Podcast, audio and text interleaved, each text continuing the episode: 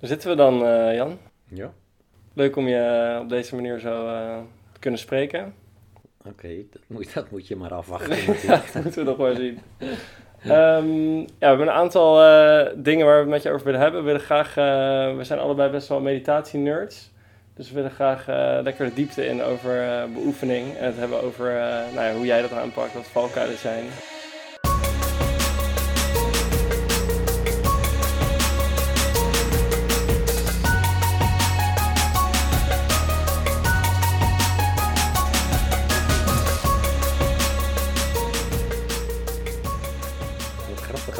Term alleen al vind ik heel, heel grappig. eh meditatie-nerds.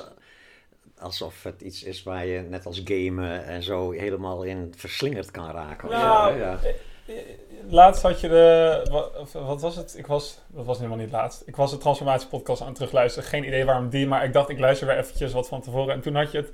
Hadden jullie het ook wel over die fase van. Dat je. Zeg maar, er is een fase van ontdekking en, en een soort van initiële enthousiasme. En dan een gegeven moment een fase van je leest alles wat los en vast zit. Ja. En eh, daar zit ik nog wel middenin. ja, dat is leuk. Ja. Dat is de- misschien wel de leukste fase ook. De leukste fase. En dan blijf ik hier nog even. Ja. En daarna is het eh bergafwaarts. Ja. nee hoor.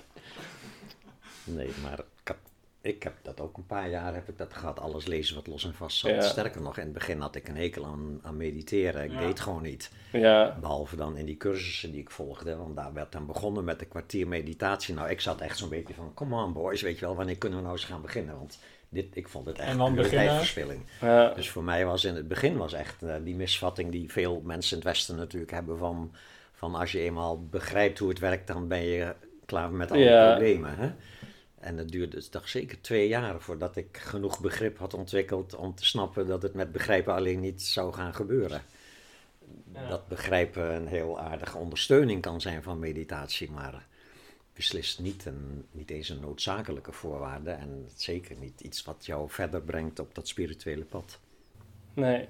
En eh, wa- wat heeft denk je ervoor gezorgd dat je, die, dat, je die, dat idee had? Is dat eh, heel erg die westerse filosofische blik van... ja, ik had eh, filosofie gestudeerd ook, ja. dus dan zit je heel erg in denken, hè, denken, denken. Dat is natuurlijk wat het onderscheid tussen een filosoof en een spirituele beoefenaar is, dat een filosoof alleen maar denkt Ja, en probeert te, met begrijpen als het ware, zijn, of hij überhaupt bezig is met zijn problemen op te lossen, dat betwijfel ik, maar hè, met, Ja. met begrijpen probeert hij dan een soort controle over de werkelijkheid of begrip van de werkelijkheid te Ja. En daar houdt het dan mee op. en ja, Ze praten alleen maar. ja precies. Ja, Ja, maar het is... praten. eh, In jouw, in jouw laatste boek, eh Wijs naar de Maan, heb je het op een gegeven moment ook volgens mij over dat je... Het lijkt bijna wel, eh, wat je beschrijft in dat boek, een soort spirituele zo- zoektocht op een filosofische manier. Dat je dan, dan ga je ook naar een huis ergens toe om daar na te denken over de zin van het leven. En dan loop je dan in vast. Ja, ja, ja, ja, ja, ja, ja. Dat vastlopen in het denken over Ja. de zin van het leven. Dat is dus eigenlijk heel mooi dat je daarin vastloopt. Nu eh, gebruik ik het ook in mijn cursussen. Ik laat eh, vooral de mensen die, zeg maar, die, die, zeg maar, die neiging hebben om veel te willen nadenken en met snappen eh, proberen om zeg maar, verlichting te bereiken. Die laat ik proberen, die, die help ik om ze te laten snappen. Ja, En dan ergens kom je op het punt dat het niet te snappen valt.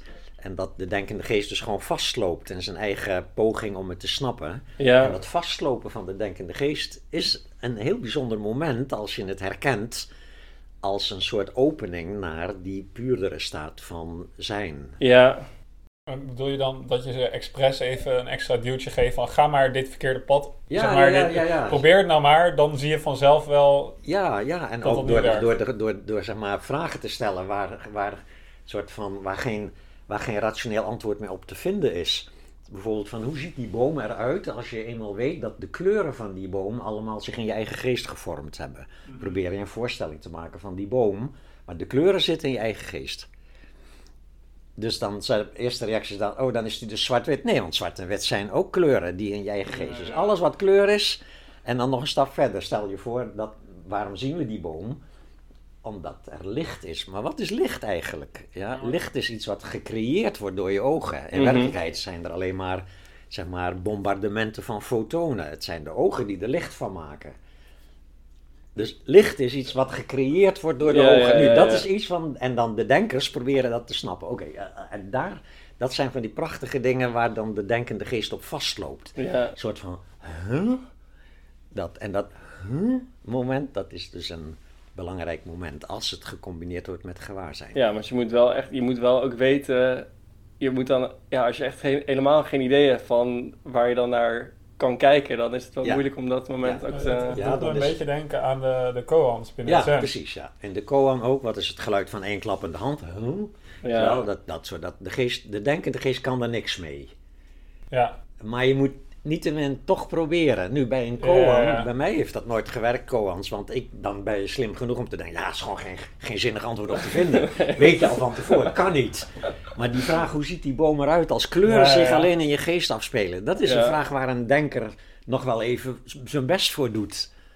Of, of wat is licht eigenlijk? ja, ja, ja. ik snap wel wat je bedoelt. Het moet ook nog eens een koan zijn die voor jou als persoon werkt. Ja, hij om moet mee- op een of hij moet zeg maar blijven sudderen in zekere Ja, zin, ja en hij Je moet er- raken aan jouw wetenschappelijke en filosofische zeg maar, interesse in Ja, het snappen Ja. van de werkelijkheid. Ja, eh, Daar, en, en tegelijkertijd moet hij, als het ware, daaraan raken, maar met een onmogelijke uitkomst. Ja, ja, van, je kan er niet uit aan de andere kant. Je kan er wel in met Ja. hele interessante, boeiende filosofische en wetenschappelijke vragen. ja, Wat is licht eigenlijk? Dat, maar weet je wel, je kan er niet uit. ja, Dat zijn leuke dingen in, eh, in ehm, dit pad dan. Hè? En, en dan, ik heb het dan vaak over Dzogchen. Hè? Dzogchen is het Mhm. pad wat ik, eh, wat ik geleerd heb.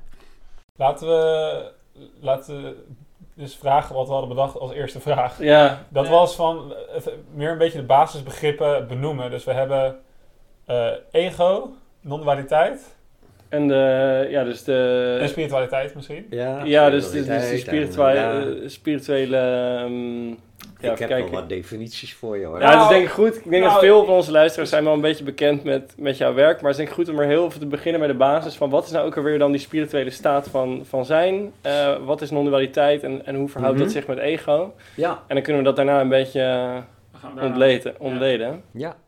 Wel, ik denk dat ehm, zeg maar, mijn definitie van wat spiritualiteit is alle kennis en methoden die erop gericht zijn om de werkelijkheid te leren ervaren zoals die werkelijk is. Dus die definitie suggereert natuurlijk al dat de meeste mensen kennelijk de werkelijkheid niet ervaren zoals die werkelijk is. En dan ga je onderzoeken, oké, hoe ervaren de meeste mensen en wij dus ook doorgaans, ja, hoe ervaren we de werkelijkheid?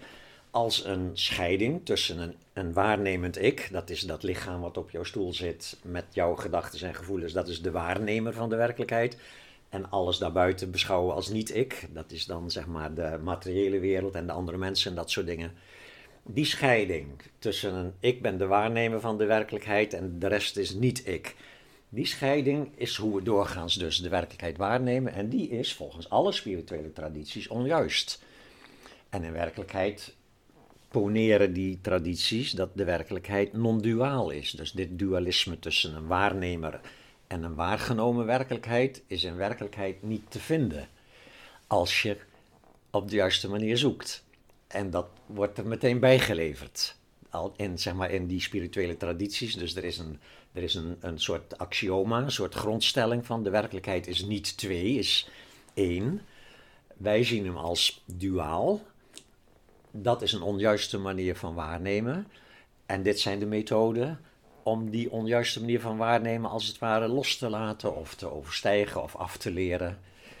En dan kom je dus vanzelf in dat wat, wat er altijd al was, namelijk de non-duale essentie, non-duale werkelijkheid. En ego is dan dus eigenlijk die afgescheiden identiteit die zich als iets, Ja, iets buiten die werkelijkheid ziet. Ja, dus je kan, eh, als je eenmaal dit gaat onderzoeken, dan, dan ga je niet proberen om de werkelijkheid als non-duaal te zien. Je gaat juist de werkelijkheid onderzoeken op de manier zoals je hem nu waarneemt, als duaal. Ja. En dat betekent dus dat je naar twee kanten kan gaan onderzoeken. Je kan dus de objecten buiten jou, die je altijd hebt beschouwd als werkelijk bestaande materiële objecten, onafhankelijk van jouw waarneming ervan, die kan je gaan onderzoeken. Is dat wel zo? Is die boom werkelijk wel bruin en groen en dat soort dingen? En staat hij er werkelijk zoals ik hem zie? Of zou het iets heel anders kunnen zijn? Dat is het onderzoek naar zeg maar, de cognitieve versluiering. Eh, cognitief hier in de, in de betekenis van dat onze waarneming cognitief bepaald is. Hè? En dan heb je de andere kant van de tweeheid. dat is naar binnen toe. Ben ik eigenlijk wel dit lichaam? Of heb ik het? En ben ik eigenlijk wel degene die ik doorgaans denk dat ik ben? Namelijk, vul je naam maar in. Ja, ik ben Jan, ik Ja. ben eh, zoveel jaar oud en ik ben daar en daar geboren en dat heb ik allemaal meegemaakt. Dat hele verhaal, zeg maar, die gigantische verzameling met herinneringen, die alleen maar toeneemt in de loop van de jaren dat je leeft, dat beschouwen we doorgaans als wie we werkelijk zijn. Ja. En ook dat is dus onjuist. Dus de boom is niet werkelijk zoals die eruit ziet en ik ben niet werkelijk zoals ik denk dat ik ben. Ja. Dus dat is het onderzoek. En dan kom je langs beide kanten kun je op hetzelfde punt uitkomen. Namelijk dat dat hele onderscheid wegvalt, dus als het ware. Ja, precies. Oké, en eh, dat is dan dus eigenlijk het project. Dus je begint eigenlijk vanaf een startpunt eh, waarbij je die afgescheidenheid heel erg ervaart. Ja. Eh, maar je hebt misschien wel door van, hé, hey, er zit daar, dit, dit klopt. Eh, En ik kan het onderzoeken en Ja. ik kan er stappen in zetten.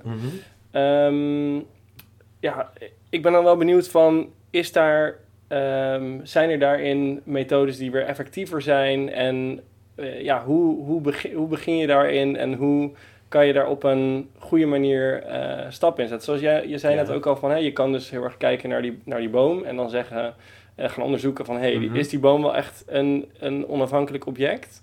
Of je kan weer meer naar het ego kijken. Is er zeg maar een pad dat daarin juist is? Ik denk eh, dat in elk pad beide kanten onderzocht moeten worden, maar in welke volgorde en welke mate, dat hangt dus heel erg af van, de, van het individu. Want je begint met je spirituele beoefening in, met, vanuit de identificatie met dat ego, met dat aangeleerde zelfbeeld. En het ene ego is meer gepredisponeerd voor eh, het nadenken en proberen te snappen, en een ander ego is meer van je hart openen en je overgeven. En, en, eh, en het mooie is dat voor al die zeg maar, karaktertypes is er een spiritueel pad. Ja, precies.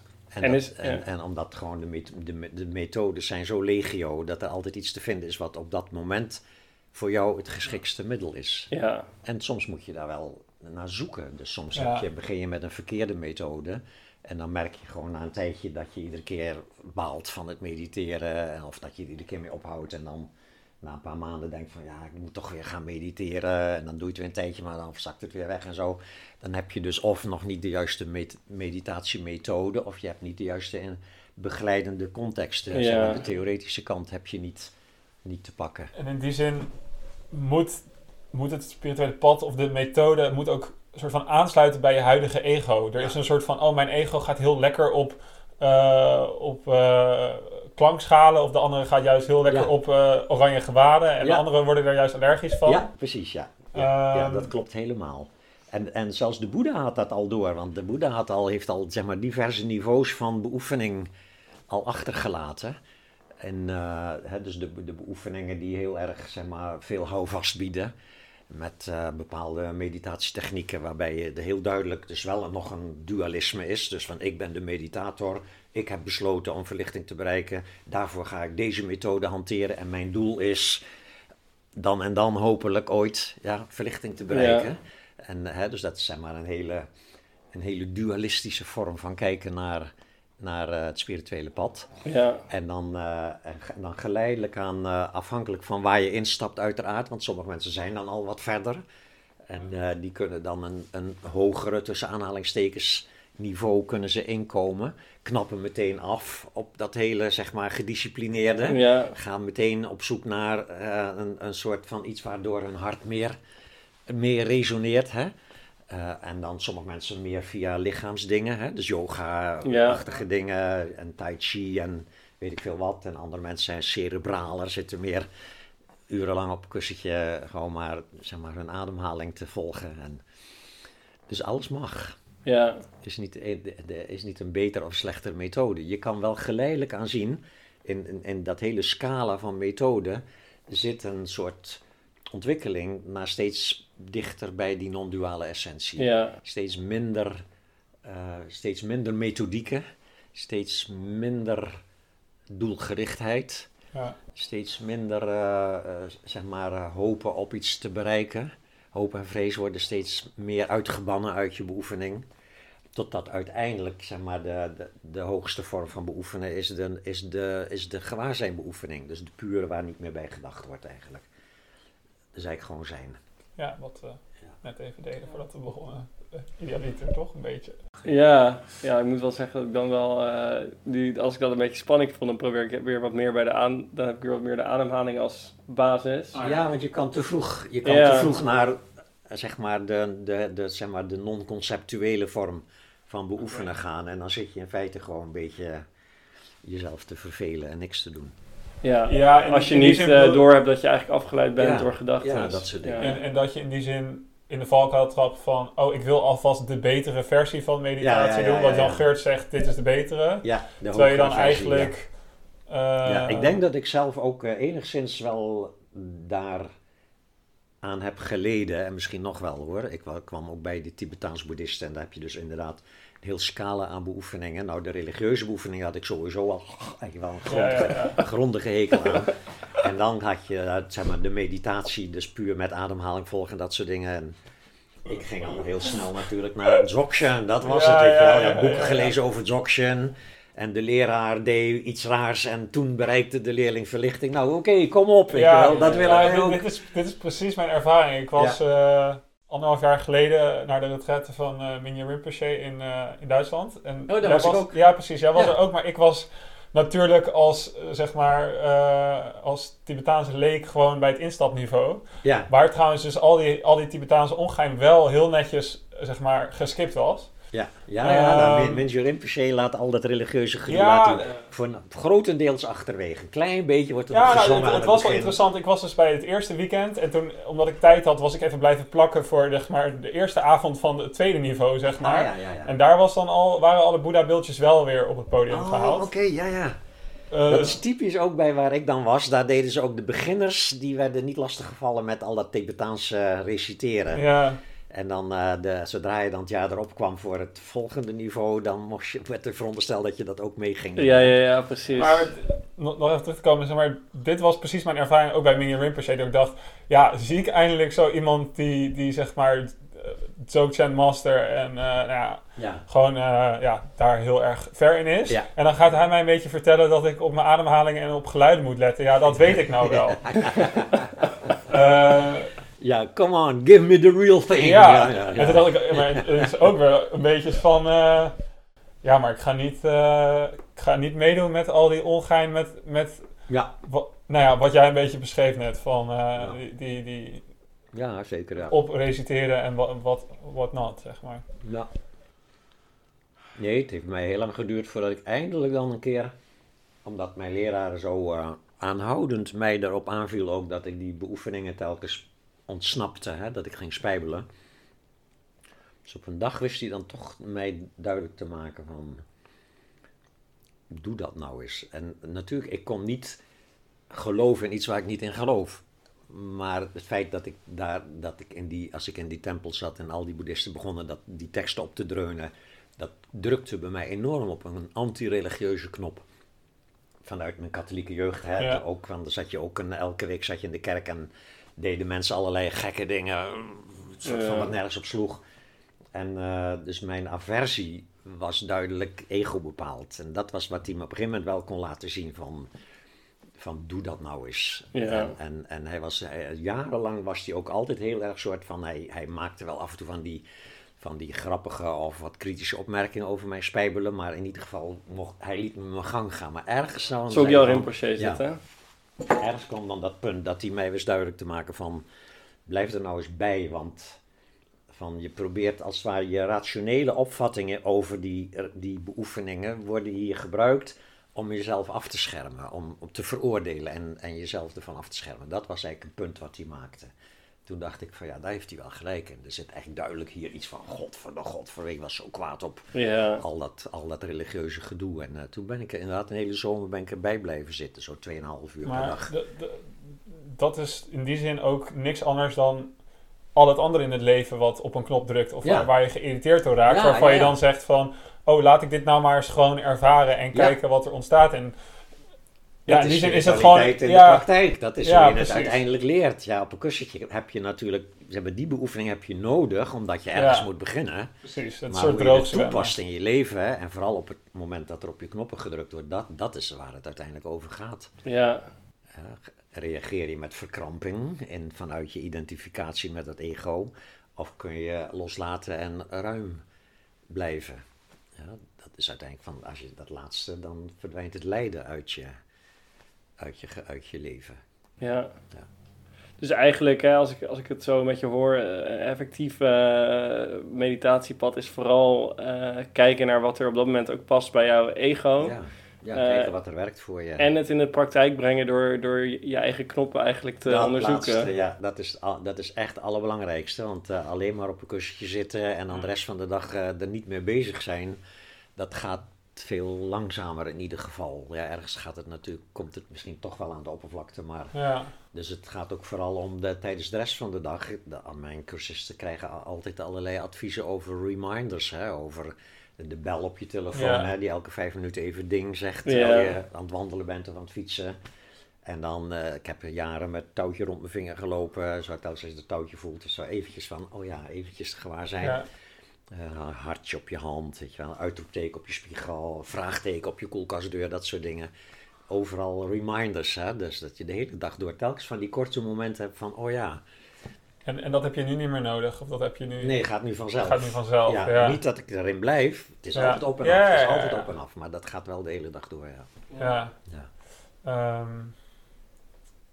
Leuk om te horen in ieder geval. ik zit even te denken wat... eh, Ja, ik ben nog wel benieuwd. Het voelt zeg maar wel ergens nog. ehm, het voelt voor mij ergens alsof ik een bepaalde mate van geluk ook heb gehad. Dat ik dus. eh, toeval. Dat, dat je dan die, die juiste eh, instructies uiteindelijk hebt. En dat je dus niet. Ja. eh, voor hetzelfde geld bedoel ik, had, had ik wel gewoon gedacht van. Oh ja, het, is, het gaat helemaal om, dat, om het religieuze stuk. En als ik dat maar goed doe, dan, dan, dan komt het vanzelf. Eh, ergens voelt het nog wel alsof, er, eh, alsof het ook geluk is dat, dat je dan dus op een gegeven moment her- herkent van hé, het, het wijst Ja. eigenlijk naar dezelfde maan. En, ja, waarom herkent de een het wel en de ander niet? ja, ja, Ja, eh, dus, dus zeg maar, jij zegt eigenlijk van hè, er is niet een, een effectieve manier, het, het gaat om wat bij jou past. Maar dat, dat wat bij jou past is natuurlijk iets van, oké, je kan ook zeggen van iemand die zeg maar op zijn twintigste verslaafd raakt en tot zijn vijftigste bezig is met heroïne. mhm. Dat paste dan kennelijk bij die persoon op dat moment, maar is niet echt heel erg bijdragend natuurlijk Nee, precies. aan het geluk van die persoon. ja, Hoewel als hij eenmaal er doorheen is, dan worden al, wordt al die verslavingstijd wordt in zekere zin ook productief voor je spirituele groei. ja, Dat is al, alle ellende eh, draagt bij aan spirituele groei, maar pas als je hem hebt herkend Ja. als niet bij je passend. Dus eh, ja, dat, van dat het mazzel is als je in aanraking komt met zeg maar een zuivere vorm van spiritualiteit. ja, nou ja, ja. En, dat je, en dat je dat herkent als dusdanig en Ja. kan zien van, hé, hey, ik, misschien is dit inderdaad wel het, het juiste. Ja. En, en dat je dus uiteindelijk daar, daarop Ja. uitkomt en, en er zelf mee aan de Ja, slag boeddhisten kan. weten dat, schrijven dat toe aan karma. Hè? Ja, precies. Karma ja. is eh, het resultaat van alles wat je in het verleden hebt meegemaakt. Ja, En eh, niet, eh, niet alleen maar een soort van eh, beloning voor handige, goede daden of iets dergelijks. Maar vooral ook alles wat je in het verleden hebt meegemaakt is bepalend voor hoe je dingen, hoe je dingen waarneemt. Dus als jij die dingen hebt meegemaakt die op, op een bepaald moment jouw waarneming als het ware in een, in een niveau hebben gebracht waarin je ineens spiritualiteit herkent als iets waardevols. Dat is denk ik het hele punt. Daar, dat, is, eh, dat is het, een soort wonderlijk iets ook wel. Ik kan me nog zo herinneren de eerste keer dat ik eh, daarmee in aanraking kwam. Dat, gewoon, ik was bij een vriend op bezoek, er lag een boek op tafel, hij was koffie aan het zetten. Ik sla een willekeurige bladzijde het boek open, ik lees één stuk, ik word helemaal een soort van wow. Dat, dat gevoel. ja, Dat, ja, dat kan je niet plannen. En waar komt dat door? Dat is dan kennelijk omdat het heel mijn leven ergens al gesluimerd heeft, kan je zeggen. Of wat dan ook. En dan kom je ineens in aanraking met een kort stukje iets. En soms tegenwoordig is dat dan vaak via YouTube natuurlijk. Je ziet een filmpje of je hoort een podcast en ineens klikt er iets. En wow, weet je wel. ja. Dat, dat wow-gevoel, dat is naar mijn idee wat inspiratie is. Hè? Maar je zou ook kunnen zeggen, de, de, degenen die al op het pad zitten, moeten beter hun best doen om het uit te leggen aan degenen die er nog niet op zitten. Als je dat zo, zeg maar, zo zwart-wit zou willen noemen, maar Ja, maar beter uitleggen is één ding. Maar tegelijkertijd, je kan het nog zo goed uitleggen. ja, Sommige mensen moeten hebben ervoor openstaan. Nee, dat snap ik ook nog wel, maar Maar, Zeg bij- maar- voor hetzelfde geld had, die, had het boek er misschien wel niet gelegen. Maar het is weer dus... Ja, dus dat is, eh, dat is de vraag achteraf. Hè? Als het boek er niet had gelegen, Maar, maar de, jij zegt eigenlijk ik, van... Dan, zou ik denk, dan denk ik van, dan had ik misschien in de jaren daarna wel eens op een andere manier ermee in aanraking Ja, dus je komt er hoe dan ook, da- als Ja, je er klaar voor bent, dan kom je er vanzelf, zeg je Ja, eigenlijk. uiteindelijk wel, denk ik, ja. Ja, dat is het hele punt. Als je er niet klaar voor bent of niet aan toe bent of wat dan ook, dan, kunnen de, dan kan de meest wijze leraar je een uur lang op je inpraten en dan heb je, veel- verveel je alleen maar stierlijk. Ja, precies. Ja, die, die, dan die groep, niks geraakt. ja, die groep, die, die snap ik wel. Ik, ik, ik zit meer na te denken over de groep van, hè, je hebt natuurlijk ook denk ik een groep mensen, die zijn er misschien klaar voor. Maar ja, spiritualiteit is nou niet echt het, he- het grootste Nee. ding in onze maatschappij. Komen die er dan uiteindelijk mee in aanraking? Ik wil het heel graag geloven, maar ik, ergens Nou ja. denk ik ook wel, toeval bestaat ook, denk ik. Ja, maar ja, dat hangt er vanaf. To- ja, toeval bestaat natuurlijk als je het toeval noemt. En, Ja, en- precies. En, anders noem je het karma. En het is allemaal achteraf praten.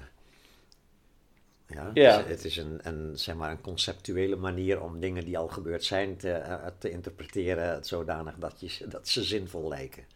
Ja, dat klopt. Ja, ja dus dat, dat mag ook. Dat mag. En het mooie is dat als je dat beseft dat het verhalen zijn, hoef je ze daarmee niet te disqualificeren. Dat, en, bedoel, de vraag, ja, maar wat is dan werkelijk waar, is een ego-vraag. Hè? Wat is werkelijk waar achter mijn theorie, is typisch een, een projectie. Ja, Ja, dat is wat ego doet. Ego denkt, oké, ik zie een boom, maar er staat ook werkelijk een boom. mhm. Dat, dus we hebben altijd de neiging om onze waarneming van de werkelijkheid te verlengen naar een werkelijkheid los van die waarneming. Terwijl in werkelijkheid is er nooit iets anders dan een waarneming van een werkelijkheid. En dat er een werkelijkheid zou zijn onafhankelijk van jouw waarneming ervan, is imputation, ja, is, eh, zeg maar projectie, is wat je erbij denkt. Dus, ware. dus wij denken dat die boom daar echt staat. Mhm. Terwijl op dit moment alleen maar een, een boom die daar echt staat ervaren. Dat Ja. is het, het, het, het, eh, zeg maar het verschil tussen eh, zeg maar, rechtstreeks ervaren en die hele denklaag die wij hebben ontwikkeld door zeg maar, evolutie, waardoor we en in staat zijn om de werkelijkheid naar onze hand te zetten, te manipuleren. Dat levert enorm veel voordelen op. Maar er zit één nadeel aan en dat is dat we gaan geloven dat onze gedachten over de werkelijkheid de werkelijkheid zijn. Dat is het nadeel. Dat is dus weer waar komen we terug op. En die indeling in, in een waarnemer en een waargenomen werkelijkheid, die onafhankelijk van elkaar zouden bestaan, is een mentale constructie. ja. Die nogal ingesleten is. Het helpt niet door alleen maar even op te houden met denken en dan valt alles ineens weer samen in een. Ja, omdat er een soort cognitieve laag is die niet expliciet gedacht wordt, maar die wel degelijk met het denken, zeg maar in de denkende geest zich afspeelt. ja. Dat is onze waarneming, hè, die cognitief bepaald is. En dat is dus een, een, een traject om dat zeg maar, e- enigszins af te leren. ja. Enigszins eh, los te maken van die cognitieve bepaaldheid, van dat dual, dua- dualistische.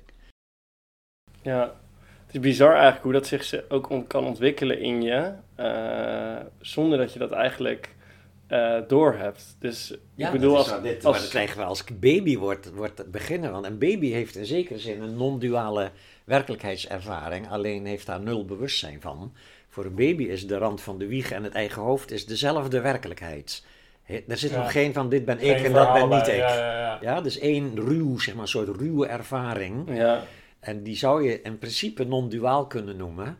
Alleen mensen denken wel eens dat kinderen al verlicht zijn en dat ze Ja. het kwijtraken. Maar ze zijn natuurlijk niet verlicht daardoor, want ze hebben geen gewaarzijn van hun eigen non-duale werkelijkheidservaring. verlichting Dus ze is zijn soort- speelbal, als het ware. Ze zijn volledig willoos speelbal van, zeg maar, dat egoloze. Wat, dat ego moet eerst ontstaan nog.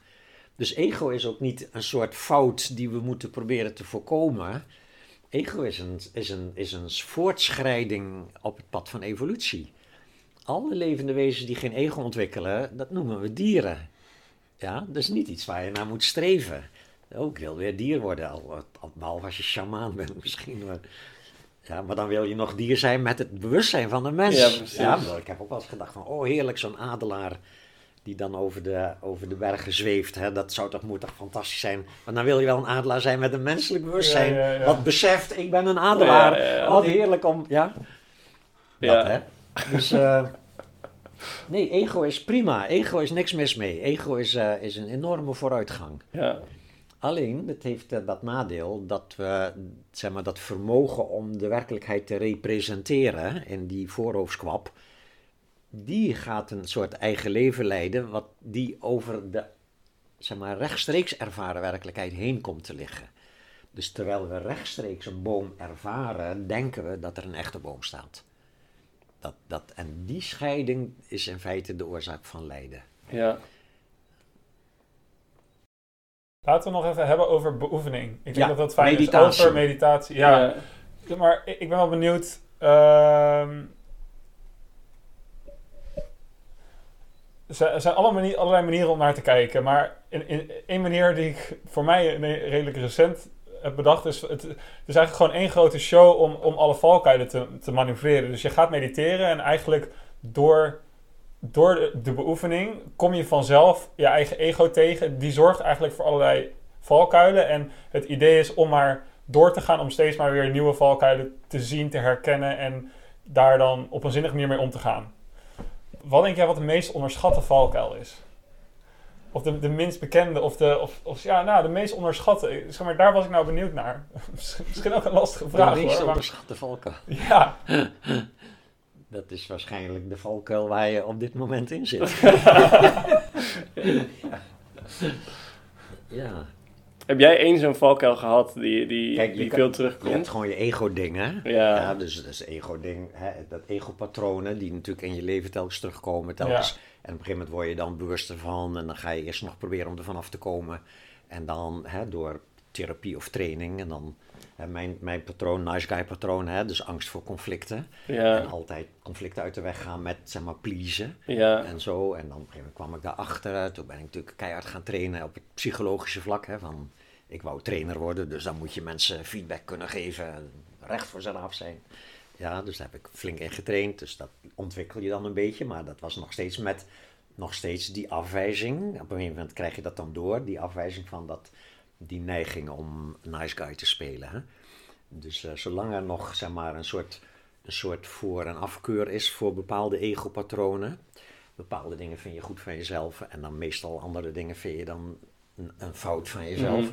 Dat is zeg maar het niveau waarop je telkens weer opnieuw dingen moet tegenkomen van jezelf. Totdat je ze kunt omhelzen. Totdat je ze kunt zien zonder veroordeling. En zonder verzet dus ook.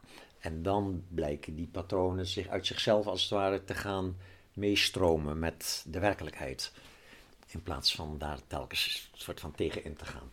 Dus dan haal- wordt het lijden eruit gehaald, zou je ook kunnen zeggen.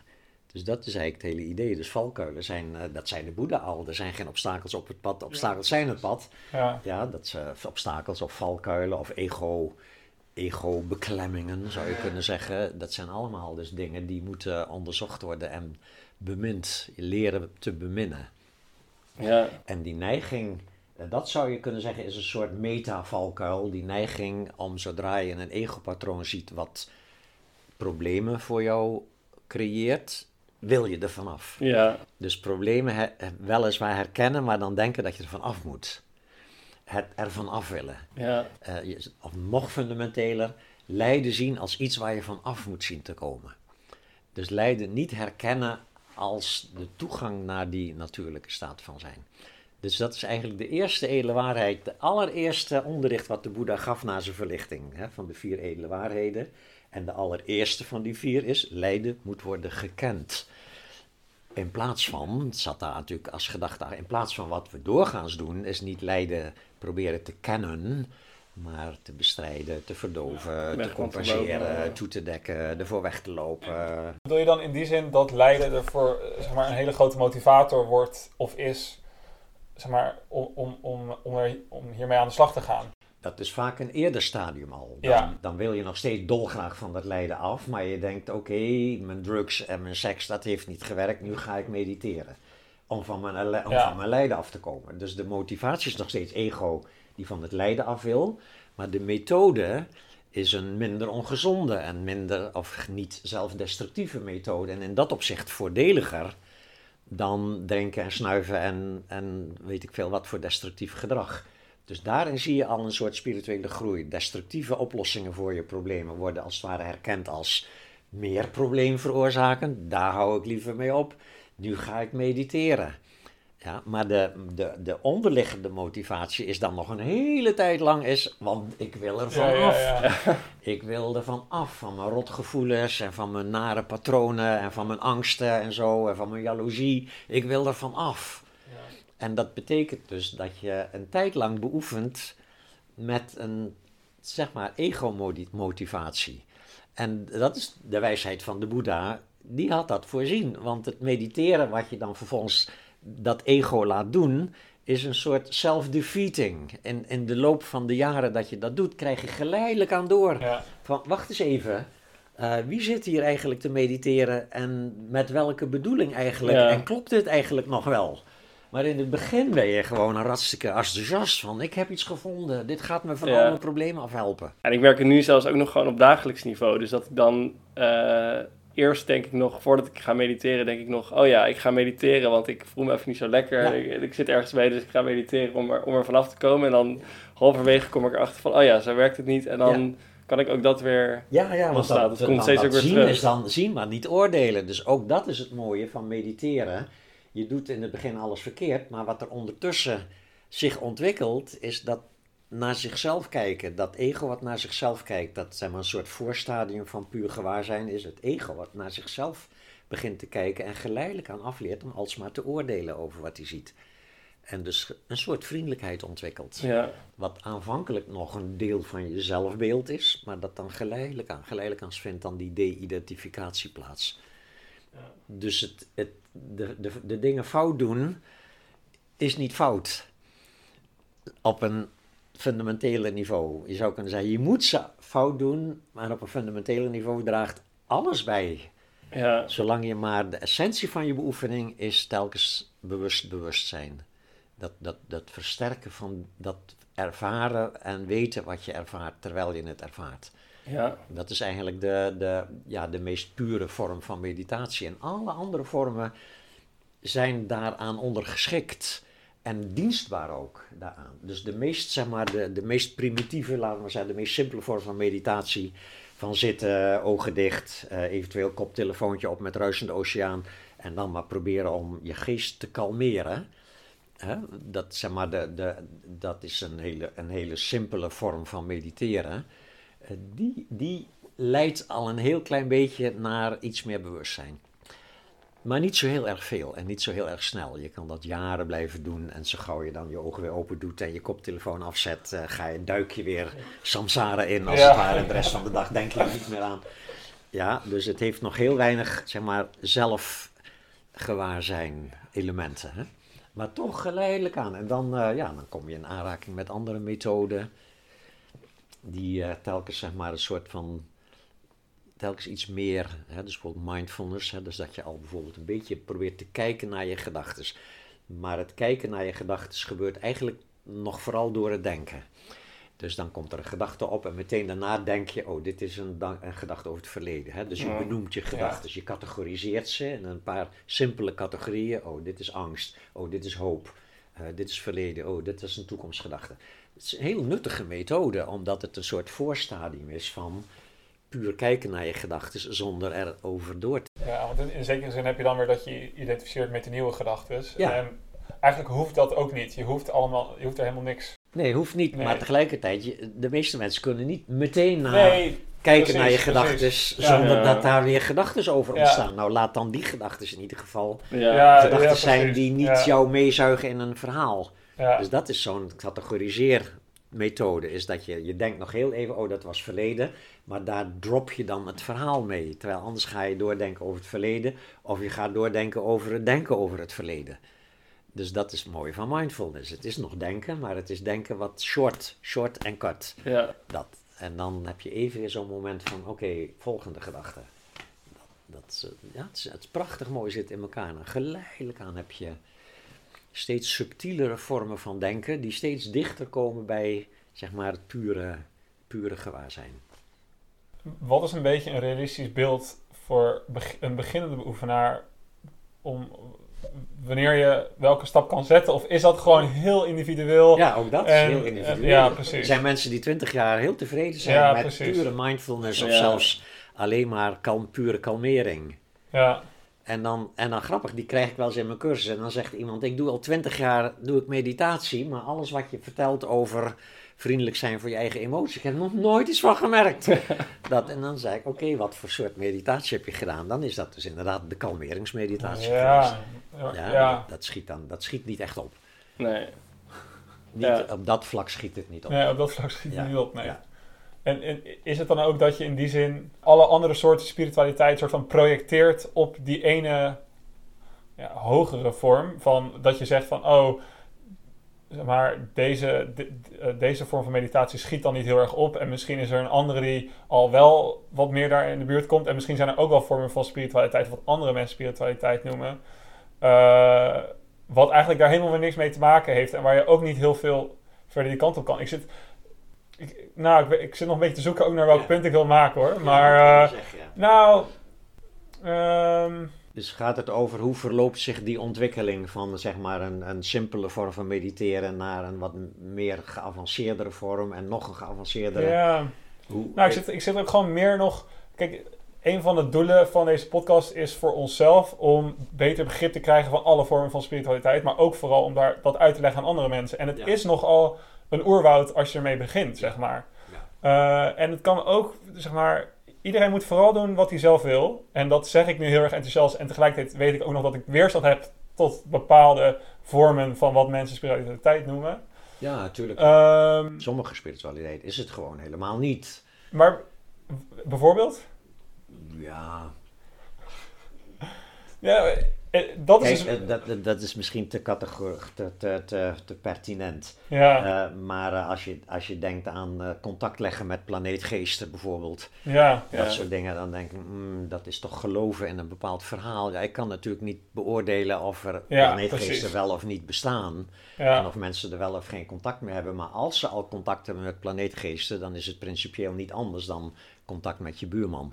In Nee. principe. Ja, en dan Ja, moet je ja, maar ja, ja. afwachten. Dus dat snap je wat ik bedoel. Het is heel duaal, heel dualistisch. ja, ja, ja. Ja. En, en hetzelfde met eh, zeg maar astrologie, hoewel ik ook niet kan ontkennen dat de stand van de sterren vermoedelijk wel enige invloed zal hebben op hoe het, hoe het leven zich ontwikkelt. Maar tegelijkertijd, wie weet precies ja. hoe dat dan zit. ja. En, en, eh, en daar heel veel waarde aan hechten.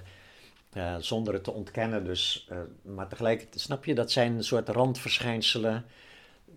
Waarbij eigenlijk het hele kijken naar de eigen geest helemaal niet aan bod komt. Maar in zekere zin, als we zeggen van begin ergens mee wat voor jou aanspreekt, zijn er ook genoeg mensen die zeg maar, dat als instapmodel hebben en daar jaren mee bezig zijn. Ja, en dan zou je dus kunnen zeggen, je bent überhaupt nog niet begonnen met spiritualiteit, Ja, maar En dan, als, mensen dat, als mensen astrologie leuk vinden, dan is het natuurlijk geen enkel, enkel bezwaar om dat dan ook te gaan doen.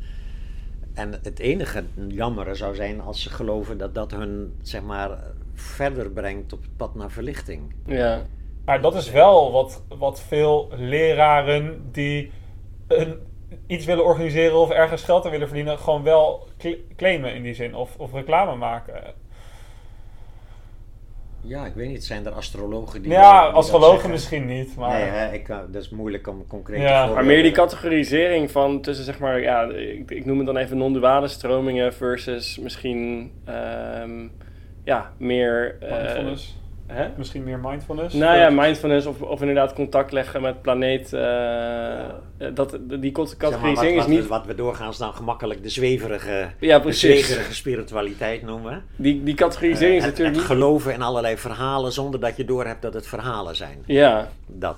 die categorisering is natuurlijk niet per se duidelijk voor, Nee, voor duidelijk, beginnende nee. mediteerders. Nee, en mensen, mensen die zich aangetrokken voelen tot, eh, tot dat soort dingen. En eventueel ook tot leraren die heel erg, zeg maar, zichzelf ook neerzetten als hoger gerealiseerd. Dat soort dingen. Dat, ja, mensen hebben daar soms behoefte aan. Ja. Ja. Ja, ik kan, je kan er niet over oordelen.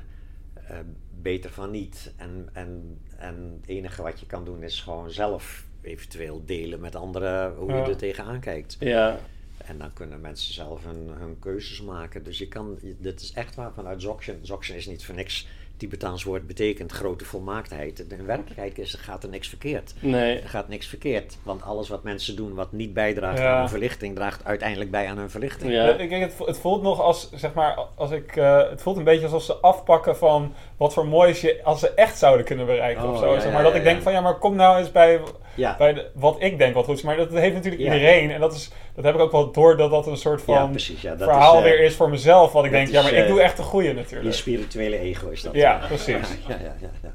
Die heb ik Ja, gewoon. dat is, hebben we allemaal natuurlijk. Ja. je, Ehm, moet, eh, je ego wil graag een beetje beseffen dat je met iets bezig bent wat zinvoller is dan andere dingen, wat andere Ja. mensen doen. Want En ik wil uniek zijn natuurlijk. Hè? Ja, dus wil uniek uniek zijn. zijn. En eh, ja, dus dat is, eh, dat is oké. Als je dan tegelijkertijd daar weer de humor van inziet, dan Ja. kan het niet zoveel kwaad. ehm, eh, en ehm, wat is de, de rol van ehm retraites in, in, de spirituele, eh, in je spirituele ontwikkeling? Is dat een noodzakelijk onderdeel? Is het eh, iets wat je ja, soms moet doen? Of is het ook weer heel erg individueel? Ik denk dat eh, de retraites, als je het heel, heel, heel breed bekijkt, dan is elke dag één of twee of drie keer op een kussentje gaan zitten en je telefoon, radio en tv uitzetten. En is een vorm van retraite. Dat, de retraite is letterlijk toch een soort terugtrekken. Mhm. En eh, de e- toen ik vroeger eh, voor het eerst door Frankrijk reed, en dan zie je daar bij elk dorp zie je een, een pijl staan retraite. Dat is bij hun het bejaardentehuis. retraite is pensioen, je terugtrekken. Ja, Ja? Dus eh, ik dacht overal retraite worden, maar het zijn gewoon bejaardentehuizen. Ja, ja, ja. Dus, eh, dus dat is de retraite, je even terugtrekken. Dat doe je dus tijdelijk. ja, Altijd tijdelijk. Dus elke dag op een kussentje, twee, drie, vier keer per dag, vijf of tien minuten. En in Dzogchen hebben ze meer waarde, meer waarde aan spreiding over de dag dan één lange sessie. En, eh, en, dan, en dan doe je misschien af en toe eens een dagje wat langer. En dan ga je misschien eens per jaar eens een weekje naar een retraiteoord. Eh, deels ook gewoon voor de gezelligheid natuurlijk en om andere spirituele ego's te ontmoeten. En, eh, en misschien ga je af en toe eens in afzondering een tijdje. Dus het wordt allemaal bij je terugtrekken. Bij je tijdelijk, Ja. als het ware, tijdelijk even. En, het, en, en de kwaliteit van dat terugtrekken is dus iets ongemakkelijks vrijwillig opzoeken. Dat is het dus, iets ongemakkelijks. Ik bedoel, de, de, de denkende geest, die wil het liefst gewoon leuk bezighouden. Door leuke film en, en zinvolle bezigheden doen en dat soort dingen. Dus, en dat doe je dan even niet. Vijf minuten of tien minuten of een dag of een week. Geen, geen nuttige dingen doen. En dat is ongemakkelijk. Dat Mhm. levert dan frustratie op en, en irritatie over je eigen denken, wat je dan veel beter gaat zien dat je de hele tijd aan het denken bent. En, en dat is dus precies de beoefening. Dus vrijwillig aangegane ongemak. Wat ze tegenwoordig ook een beetje eh, modieus noemen uit je comfortzone gaan. Ja, dus het zoekt, en zoekt, het zoekt een soort diepere comfort door uit ego's comfortzone te gaan. Maar, maar ik ervaar wel echt een verschil tussen een, een half uur mediteren of een, of een middag of een week. Dus Ja. in die zin is, blijft nog de vraag staan, dus van in hoeverre is het essentieel om af en toe een week een retraite te doen?